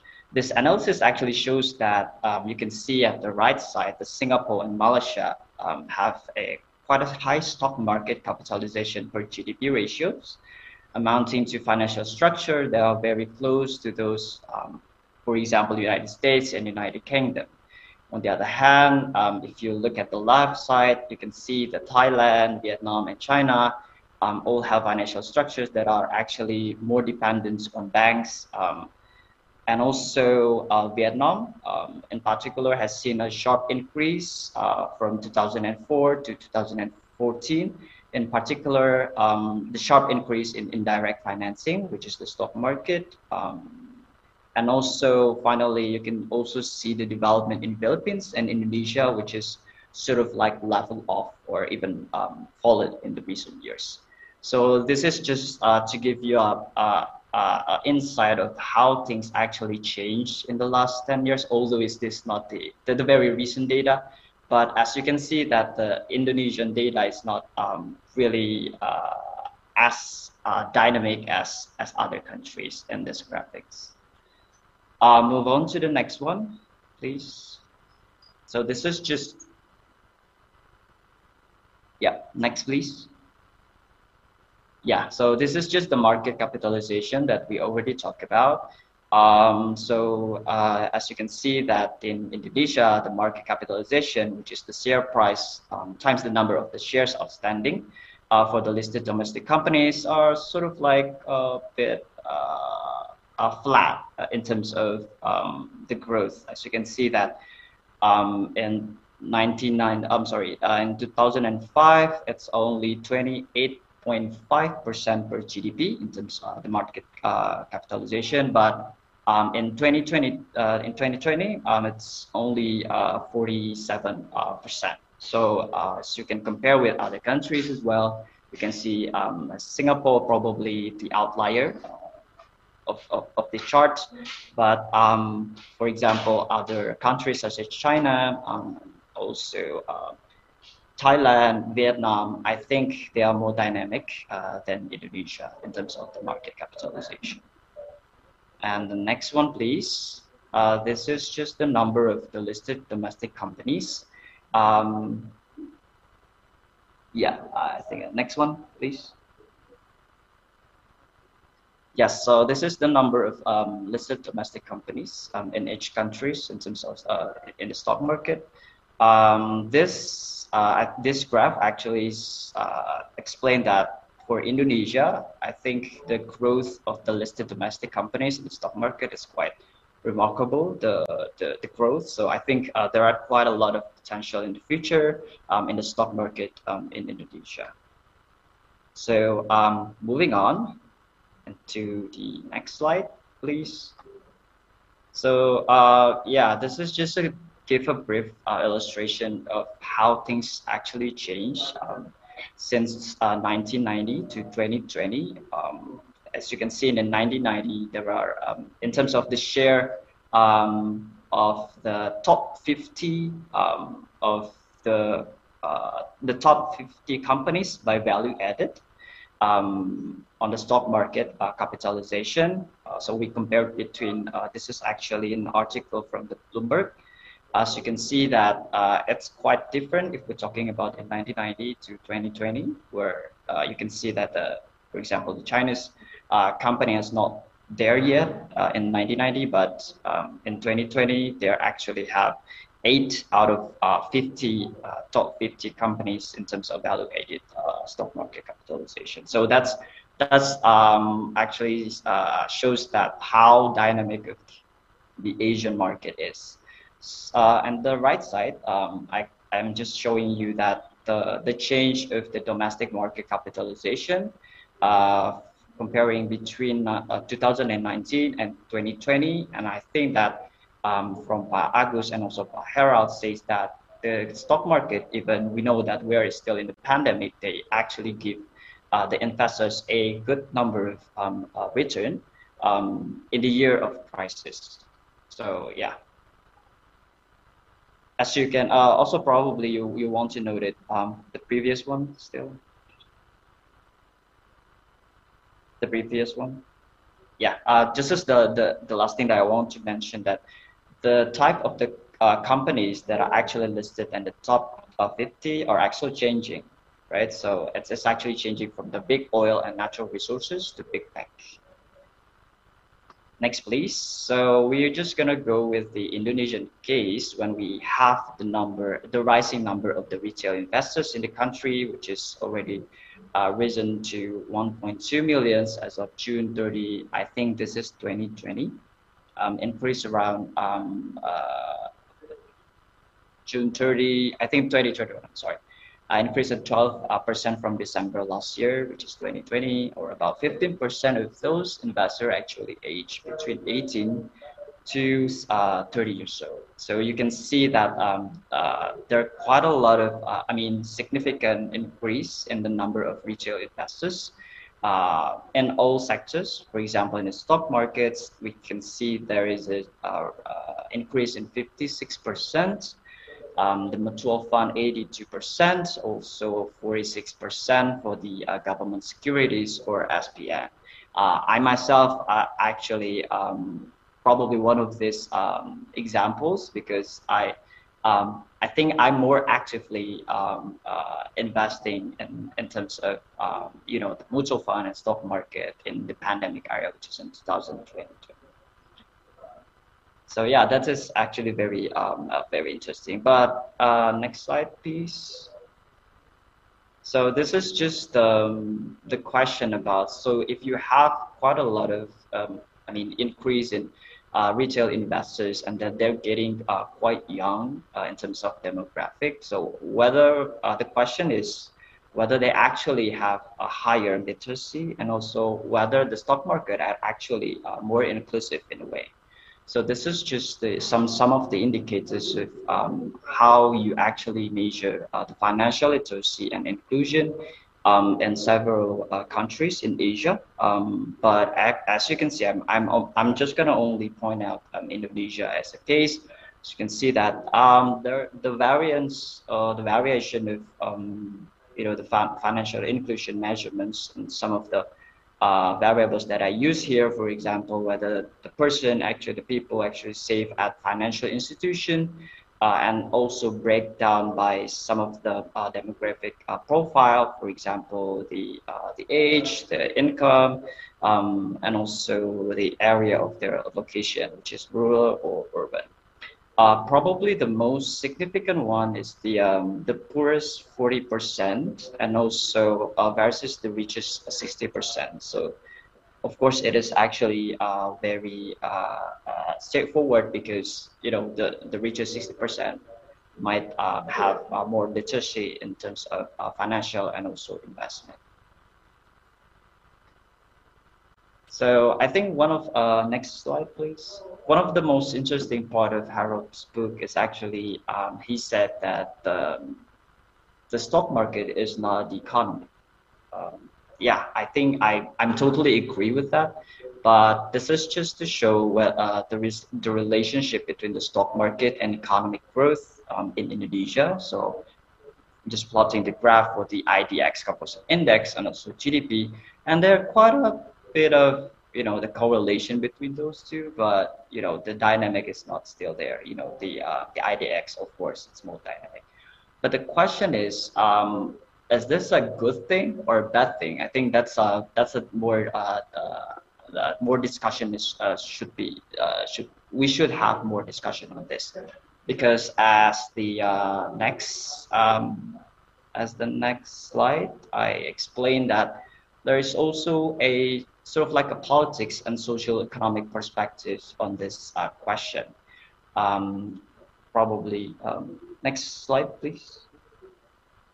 Thank you. So if you remember, probably in 2011, there is this movement called Occupy Wall Street. So um, I think it is very important to uh, to know what is actually relation between the stock market and also economic development uh, because um, if this is not the thing that we are going to address in the future, uh, this will be, you know, the 1% versus the 99%, us versus the, the Wall Street versus the, the other street, for example. So I think um, this is the part of um, this is the part of the uh, discussion that I think we should discuss more um, in terms of um, what is the connection really between the development of the stock market and also uh, development uh, in the economy. So whether if the if the stock market actually uh, uh, influence the economy. So I think that's that's the that's uh, more interesting for me as a researcher in in economic um, area. So I think I'm just gonna close my uh, presentation by giving some of the, you know, uh, this is not the legit um, uh, uh prediction of what's gonna go uh, or what's going on and what's gonna happen in the next uh, 10 or 20 years. next, please. But some of the variables that I've been identifying is are, for example, the demographic structure of um, Asian countries, which are uh, already discussed uh, by Harold and also uh, by Agus.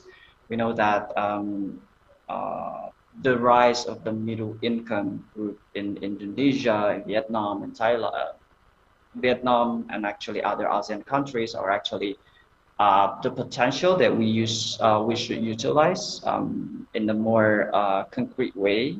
For example, in the stock market, but also we have to take um, uh, take into account the, the, the different demographic, uh, you know, the aging population that actually happened in Japan, um, Thailand, um, and uh, yeah, uh, that's uh, two, two countries that we actually already see the, the trend.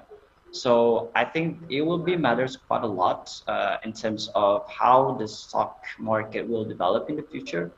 That's number one. The number two is how actually how large the financing gap that that the Asian country uh, will have. I think if we have if we'll if we will have more um, infrastructure projects in the future, for example, that we might need to uh, have more uh, we have more uh, deepening in our stock market and also uh, yeah um, more options on the stock markets and other investment derivatives as well.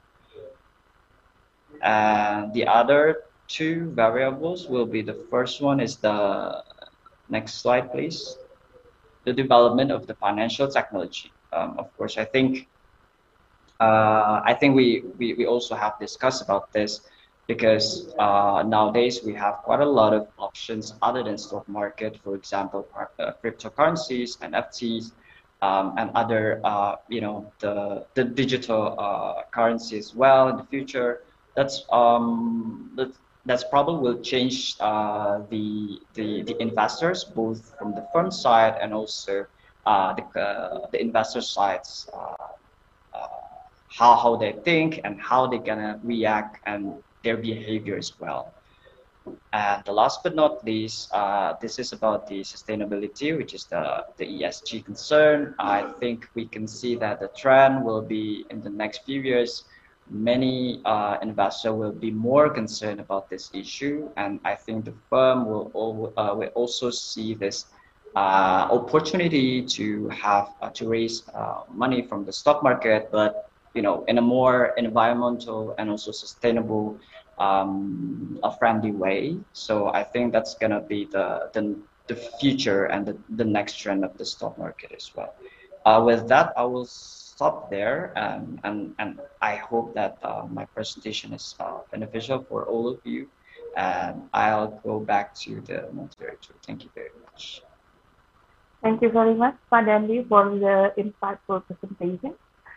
So at this point, we do hope that the audience uh, have have more better understanding on the history of capital market in Asia and maybe gain some new insight regarding the predictions of Asian stock market in the future. So because we are at the end of the keynote session, we will have uh, the Q&A session.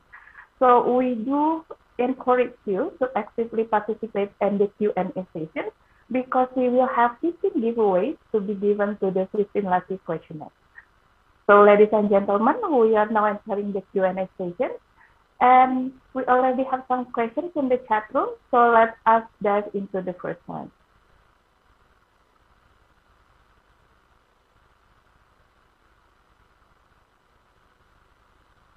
Okay, I think the we will still waiting for the host to present uh, the question.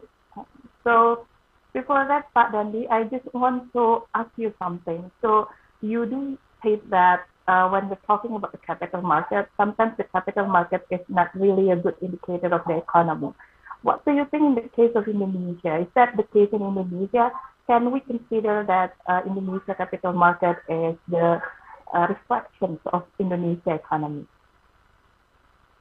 Um, yeah, probably Pak Harold and Pak Agus can help me to answer this big question. But um, yeah, um, I I might agree in some extent that uh, we cannot really see uh, both stock market and also, for example, economic growth uh, in the same bucket of um, indicators because I think um, I met my friend um, while uh, back in the uh, uh, crisis in the pandemic and she actually says that well yeah we're in the capital market. We don't really see a crisis. I mean uh, you know they, they they have actually a good time um, uh, back in uh, when when we're still trying to uh, find a way out how to uh, how to how to deal with the pandemic so that's got me thinking that um, i don't know whether this you know this this connection between stock market and also the economy is actually a good or bad thing?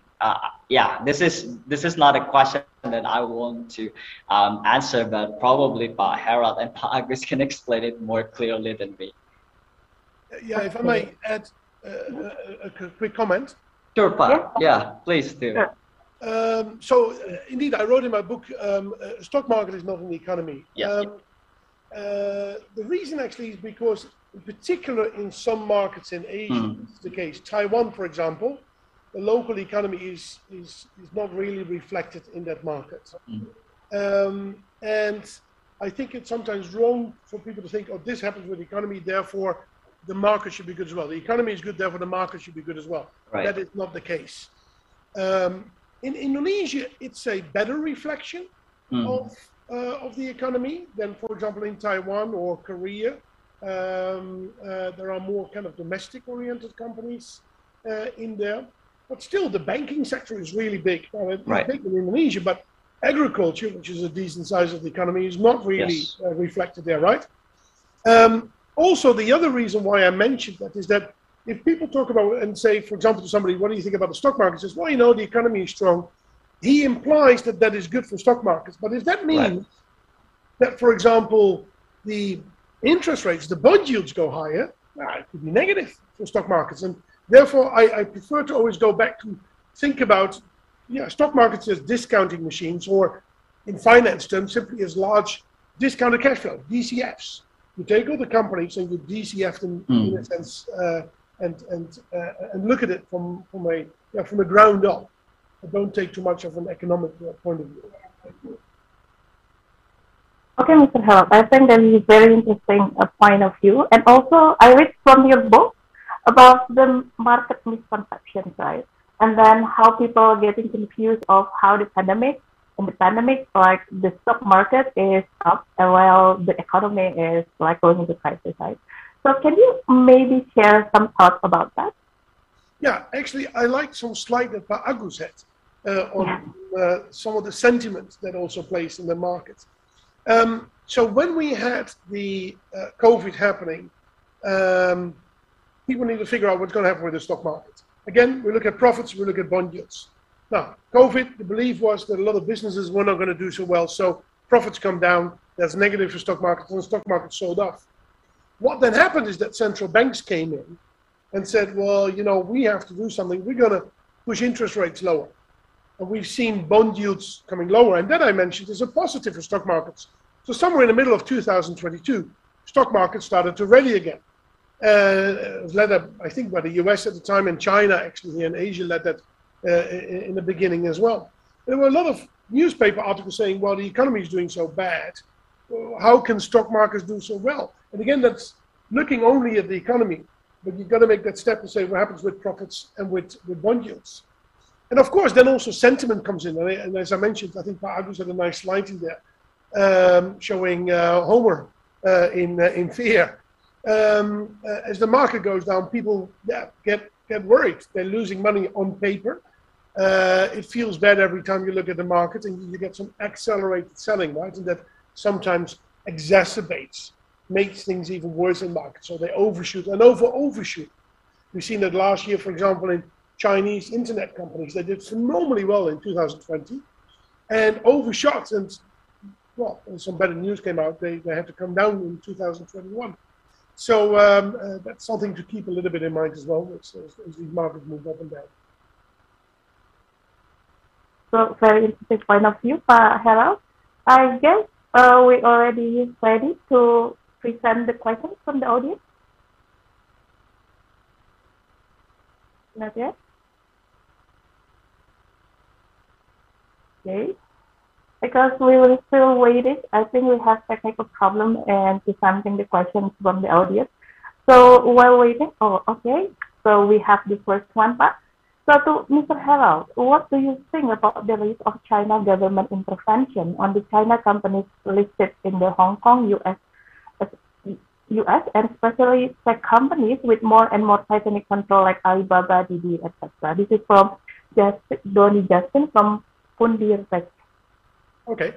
Um, oh, that's a very good question because that's been uh, the key driver actually in the Chinese stock market this year, and probably by extension has been a key driver of Asian markets uh, as well.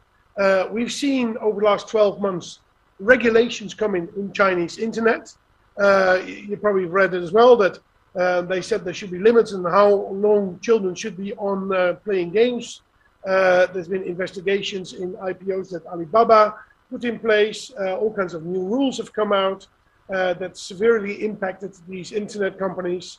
Um, and these stock market, uh, these stocks came down a lot. And because they are the largest stocks, in particular in the Hong Kong, the H-share market, the Chinese companies listed in Hong Kong, um, yeah, that market was really dragged down. Some of these stocks are down 70% or so. Um, by extension, actually, it also meant that people wanted to get their money out of China and they moved to other markets, initially to India, because India is a market that's got a low correlation with uh, China. And actually, this year we've seen money flowing into Indonesia uh, for a variety of reasons. One of them is that yeah, people still don't want to go back to um, to uh, to China, and India had already performed so well. So some of the money arrived in Indonesia as well. Although in Indonesia, I think some really interesting domestic trends are unfolding as well. But to go back to the question, um, Will that continue? Uh, that might well continue. These are things you can't really forecast. We have to assume that the government wants to continue to regulate all sorts of industries. We've seen this in the past with telecom, with gaming, with all sorts of other industrials, banks. So that will continue. On the other hand, uh, some of these stocks are down a lot. And as I mentioned earlier on, we got this sentiment, fear, and greed uh, that was so nicely illustrated in, in one of our other slides um, fear and greed. And sometimes markets overreact as well. As they overreacted to the, euphoria in China internet last year, they might well be overreacting to be very negative on future regulations uh, for these stocks as well, because these stocks have priced a lot of that risk already. Uh, already. So um, uh, there might well be opportunities around in, in that sense. But yeah, these uh, these industries get regulated, will probably be regulated. I do think regulations come in cycles. and policymakers then put regulations in place and maybe take a year to see how that reaction. Maybe next year it's going to be a little bit less intensive as it was last year. And that has a major impact on the Chinese market move, but also India and Indonesia, amongst others. Thank you pa, for the insight. So, do you think um, regulation is good for like capital market? In which context do you think it will be uh, supporting for the capital market? See, as, as an investor, you might say, I, I don't want industries to be regulated. I want companies to do whatever they want to do. And mm-hmm. so they can make as many profits from me. That, that is, to a certain extent, correct. You'd like companies to be a monopoly so they can do whatever they want. As a consumer, that's not what you want. If you go out and buy a car, you can only go to one company in the whole of Indonesia buy car, a car and they prices them at ridiculously high prices, then as a consumer, that's not good for you. The governments need to look at, uh, at, at consumers as well. And I think it's actually sometimes good that industries get healthy regulation. Yeah, it means mm. that share prices move up and down, but you need to regulate. We've seen that industries, including the finance industry in the past, being not regulated, has created all sorts of problems. Yeah? 2008, we had a financial crash. Uh, Indonesia had its own Krismon uh, a long time ago, uh, 97, 98, partially maybe also because certain things weren't properly regulated at the time. So um, uh, regulation is, is good. And if you look at, for example, the US, and you look over the last 100 years or 50 years, that market over the longer run has performed very well, despite the fact that a lot of these industries have simply regulated. So um, I'm not overly worried about that in, in, over the longer run. And, and I think this also came out of Pa Agus's uh, slides. It's very important, I think, try to look at these things on the longer run. Uh, you can reduce your risk set by half by just investing in things on a three-year basis instead of a one-year basis, let alone on a one-hour basis or one-day basis. So take a longer-term view, and, and and some of these regulations shouldn't be as much as a risk as they initially appear to be. Okay, thank you, Pak for the insight. So now we will have the next questions.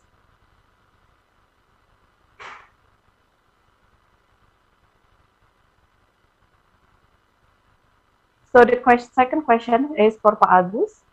For Pak Agus, I would like to know how the tapering will give an influence in Asia stock market and what are the suggestions to investors and traders in Asia stock market. Thanks in advance. This is for Abdullah Emir Pramudia.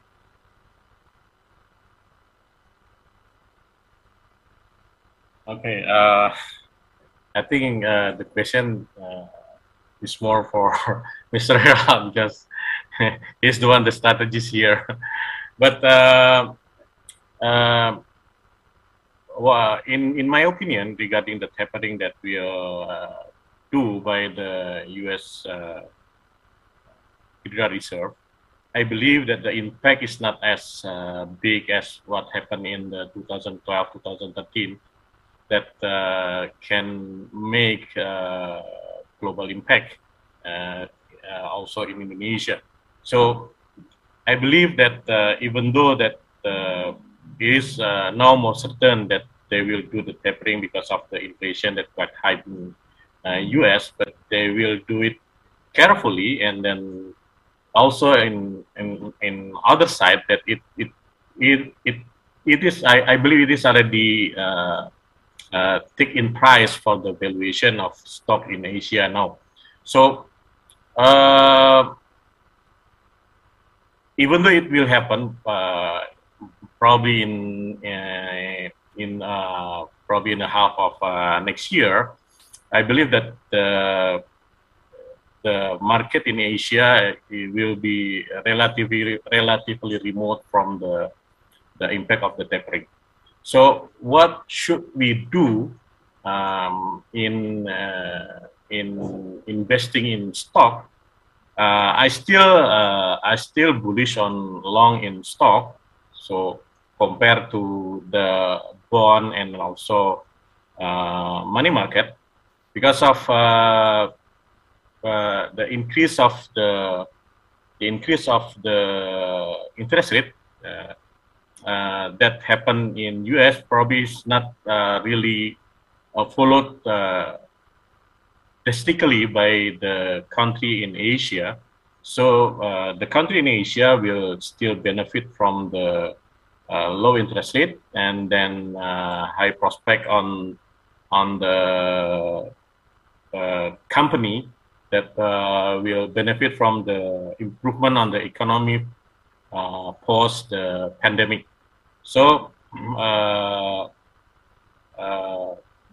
that's probably my opinion. So it's still long in in stock in Asia, and then uh, uh, find the theme like what uh, explained in the book by Pak Harold, and then uh, oh, what's uh, yeah, I think that's that's my opinion. Probably Pak Harold can help me to explain further.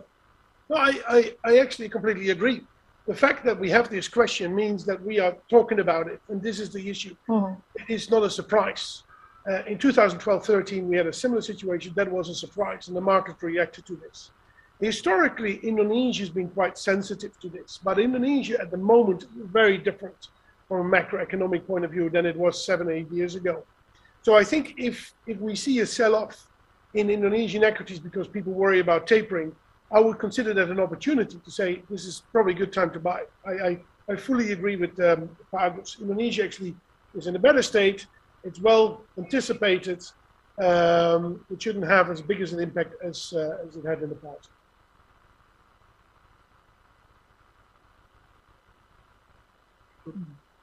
Okay. So thank you, Harold uh, and Pak Agus for the answers. So we will now have the third questions, and this is dedicated to Mr. Dandy. Thanks to Mr. Dandy. Uh, Pak Dandy, how to read and predict predicting stock market will be gain or loss for the newbie investor? Thank you. I think it can also be answered by Pak Harold and Pak Agus. But let's uh, give the first uh, opportunity to answer the question to Pak Dandy. Pak Dandy, what do you think uh, that we can do to read or predict the stock market? Um, okay, thank you very much for the question. And of course, I think um, that that is also related to uh, Agus' um, presentation, um, I think. Uh, but uh, let me share my uh, experience um, as a you know the beginner uh, in in this um, investing environment. Um, I think it is uh, for especially in the stock market, it is very important to uh, for all of us to know the fundamental of the stock itself.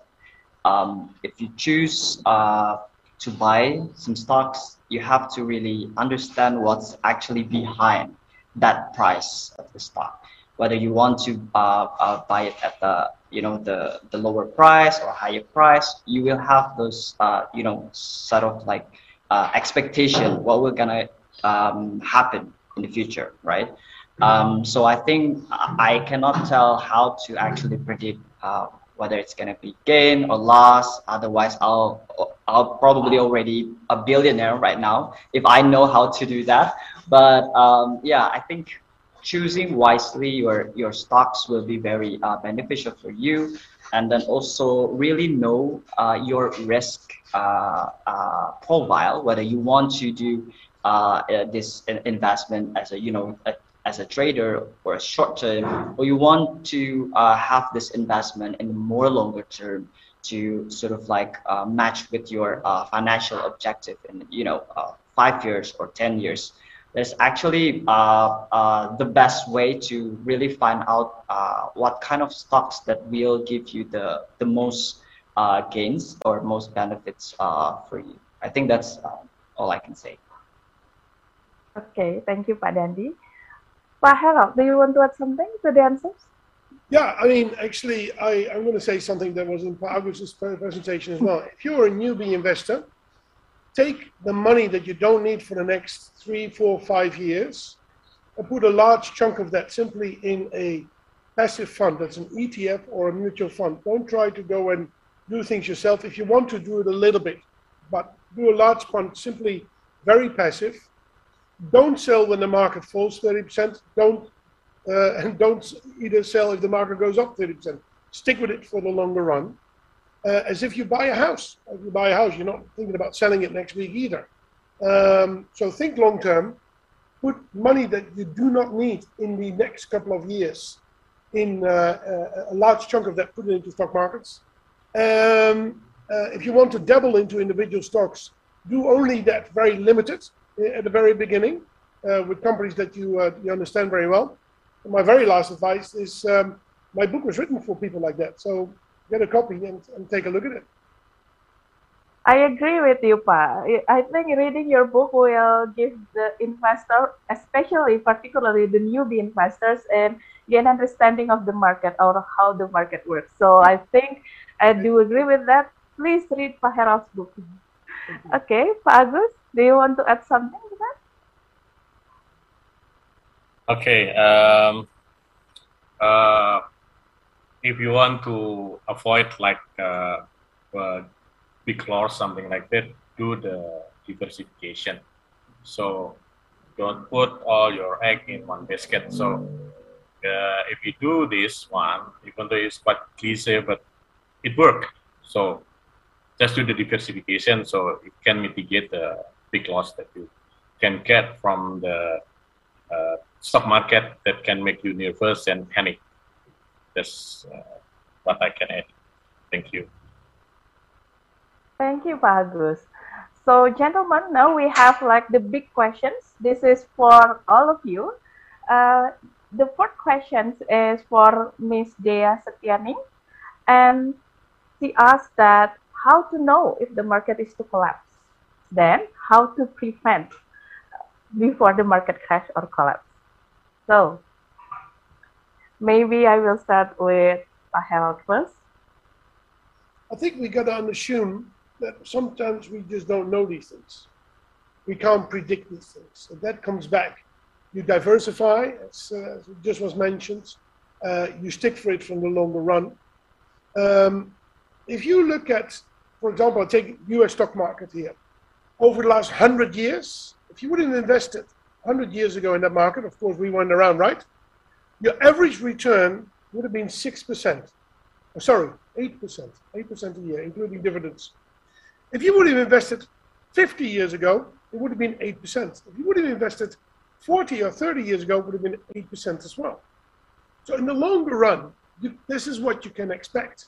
If the market goes up or down, that's part of the game. So you just have to understand we can't predict it. If we could predict it, then then that would be helpful. Now that's that's that's not a fair answer because my job is predict markets. I my job is to to for HSBC to to say this is what I think is going to happen. Um, looking at sentiment is extremely important. If people are, if everybody is really positive, and even your taxi driver in wherever the lady is, let's say she's in Surabaya, uh, even a taxi driver says you need to buy stocks.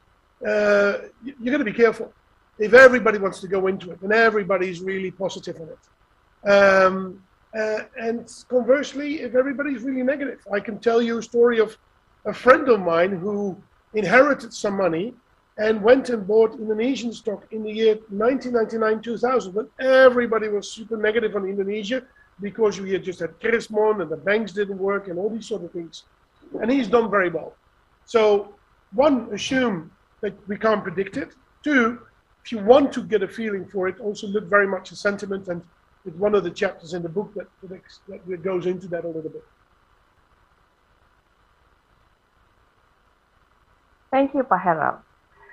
Pak Dandy, what do you think? What should we pay attention to? What factor that we should pay attention if we want to predict the market collapse? Um, I have to agree with uh, Harold as well because if you want to stay for the long term, for the long run, I think you should not avoid um, the market collapse because I think that's actually uh, the time that you you can actually add more investment and then trying to um, get more uh, uh, stock price with the discounted price. Um, so I think uh, that's the the uh, in a way uh, to say this in a in a very you know in a good way because you know the market collapse of course um, it will it will bring all of the prices uh, the stock prices down. But on the other hand you can actually see the opportunity to adding more your uh, uh, stocks or other options as well. And that's all. Thank you pak Dandy pak Agus do you want to add something yes uh, it's really difficult to to uh, forecast when the market uh, collapse and how long it will collapse. But uh, probably probably we can do something to to us to uh, face this condition. Um, uh, like uh, if we there is some research that calculate what is the return in Indonesian stock market since 1990 and then uh, return from uh, one year, three years, five years, uh, and uh, ten years, the the average return uh, from that kind of investment is around 13, 13 to 14 uh, percent per year. So uh, like Pak uh, mentioned, that uh, be optimistic first, and then the second one, uh, uh, gather the information. So it's really important to read the research that doing by expert that help us to see the condition clearly. So it will it will help us from the panic selling that uh, usually was uh, pressure on us when the market collapse. And then the the third one, uh, we can do uh, the investment uh, periodically. Uh, we call it cost averaging. So let's say every month we are buying stock or every month we are investing in our portfolio or every two months, three months. So but in every condition of the market, we are investing and then we, we will not uh, left behind from the investment and then we can take the opportunity when the market collapse and then we will get the result from our long uh, term investment. So do the cost averaging thank you. So gentlemen uh, before i close the sessions i really want to have to hear closing remark from you. So please prepare a closing remark in one or two sentences uh, for to give insight for the investor that joining us today. But before that, I really want to address Pak like one last question.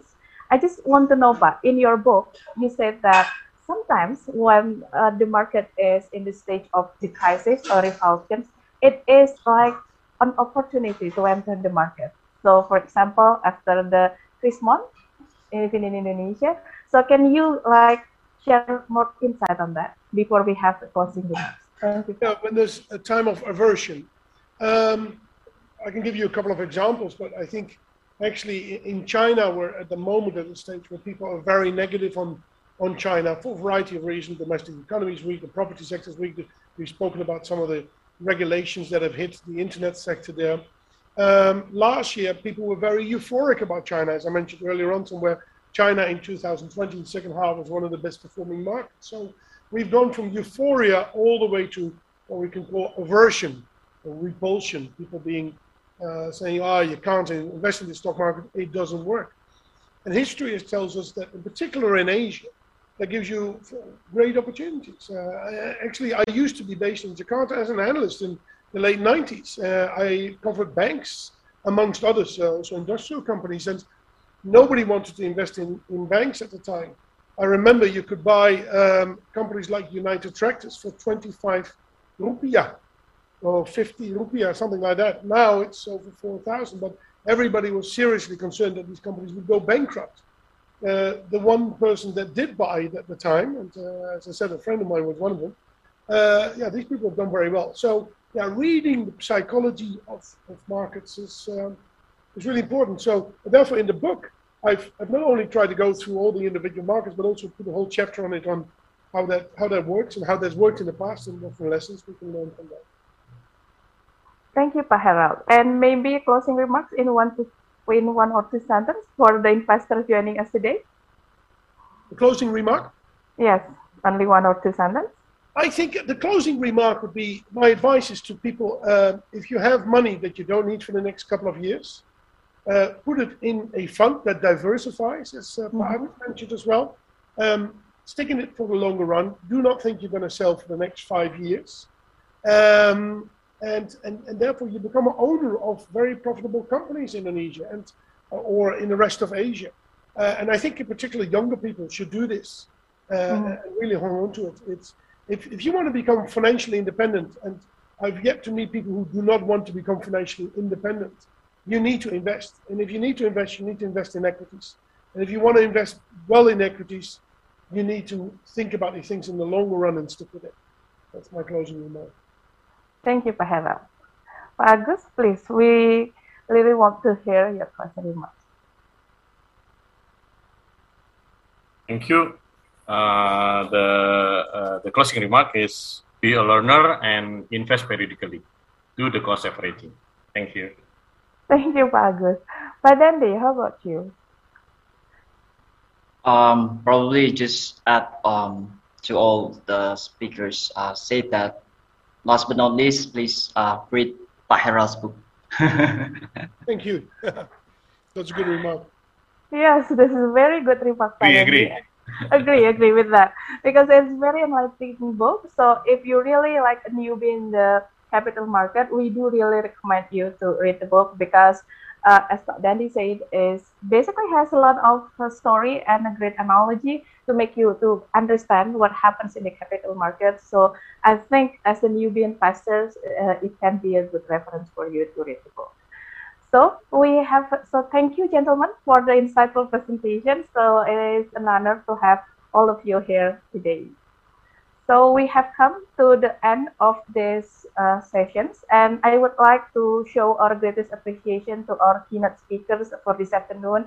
And I would also like to thank everyone who has attended today's event and to many participants who were actively involved in the Q&A sessions we now have to we have we now have come to the end of the Q&A sessions and I would like to invite our MC back to continue our event this afternoon. Owen, back to you.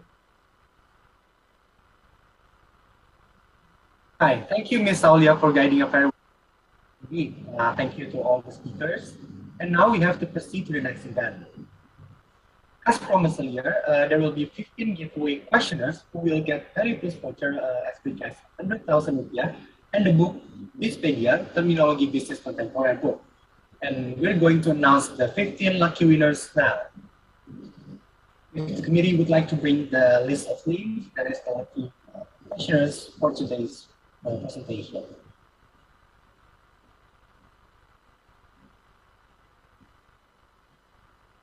Okay, here are the 15 lucky questionnaires. Uh, congratulations to all the giveaway winners. And our committee will privately contact each winner to explain about the giveaway giving process.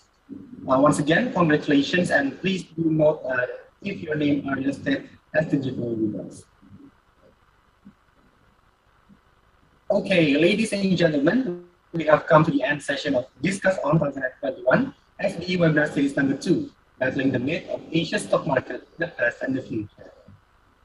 Before we close the webinar, may I once again invite the four of our honorable speakers, Mr. Harold van der Linde, Mr. Agus Mr. Dandy Rafitrandi, along with our wonderful moderator, Ms. Aviano, together and take a picture uh, with the five, uh, five of us together. Uh, I would like also to invite all of the audiences today to uh, turn on our cameras because we to take a picture together with uh, the most amazing speakers that have uh, been uh, that have visited Costa Mulia today. So I'll give a minute for everyone to turn on their cameras. And for all the speakers, please uh, hold on to your smiles for some seconds because there will be uh, several pages on this uh, screenshot. So do, do show your best smile and please wait a minute as the operator will take the screenshot. Okay, once again, uh, I think most of the audiences have turned on the camera. I will give another minute for everyone to uh, prepare and give your best, uh, please give your best uh, attire for today's uh, presentation. Okay, I think everyone's ready. Uh, I will count from one, uh, from three to one. Okay. Okay. Uh, everyone's ready? Okay, great. Three, two, one. Please hold. Okay. Okay, uh, on to the next page. Okay. Three, two, one. Another one minute. Uh, and three, two, one. Last one. And three, two, one.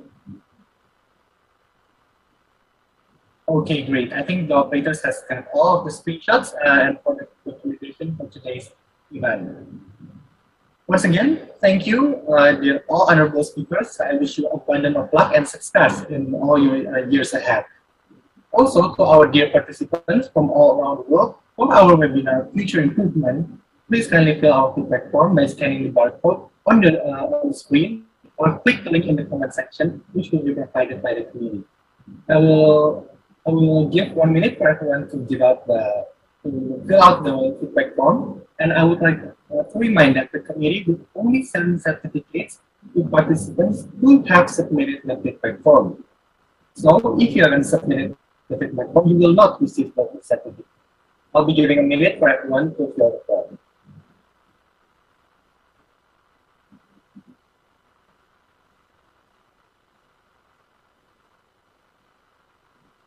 Once again, I would like to remind to all audiences, the committee will only will only send certificates to participants that has submitted and at the platform. So I'll be giving a minute to everyone. Uh, please do uh, make sure that you have submit, uh, click the submit button in the, uh, in the form itself.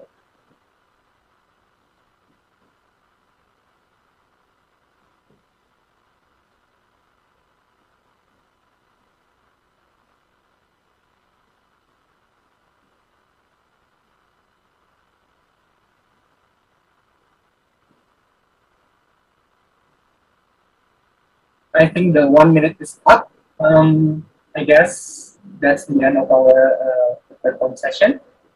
On behalf of the committee, I would like to apologize for any unintentional wrongdoings during the webinar, and we hope this evening's webinar has shared valuable insights to all of us who are present today. We look forward to meeting you on our next Discuss on 2021 SBE webinar series. Thank you. Good afternoon, everyone. We kindly ask, ask our participants to leave the room. Have a nice day and good afternoon. Bye.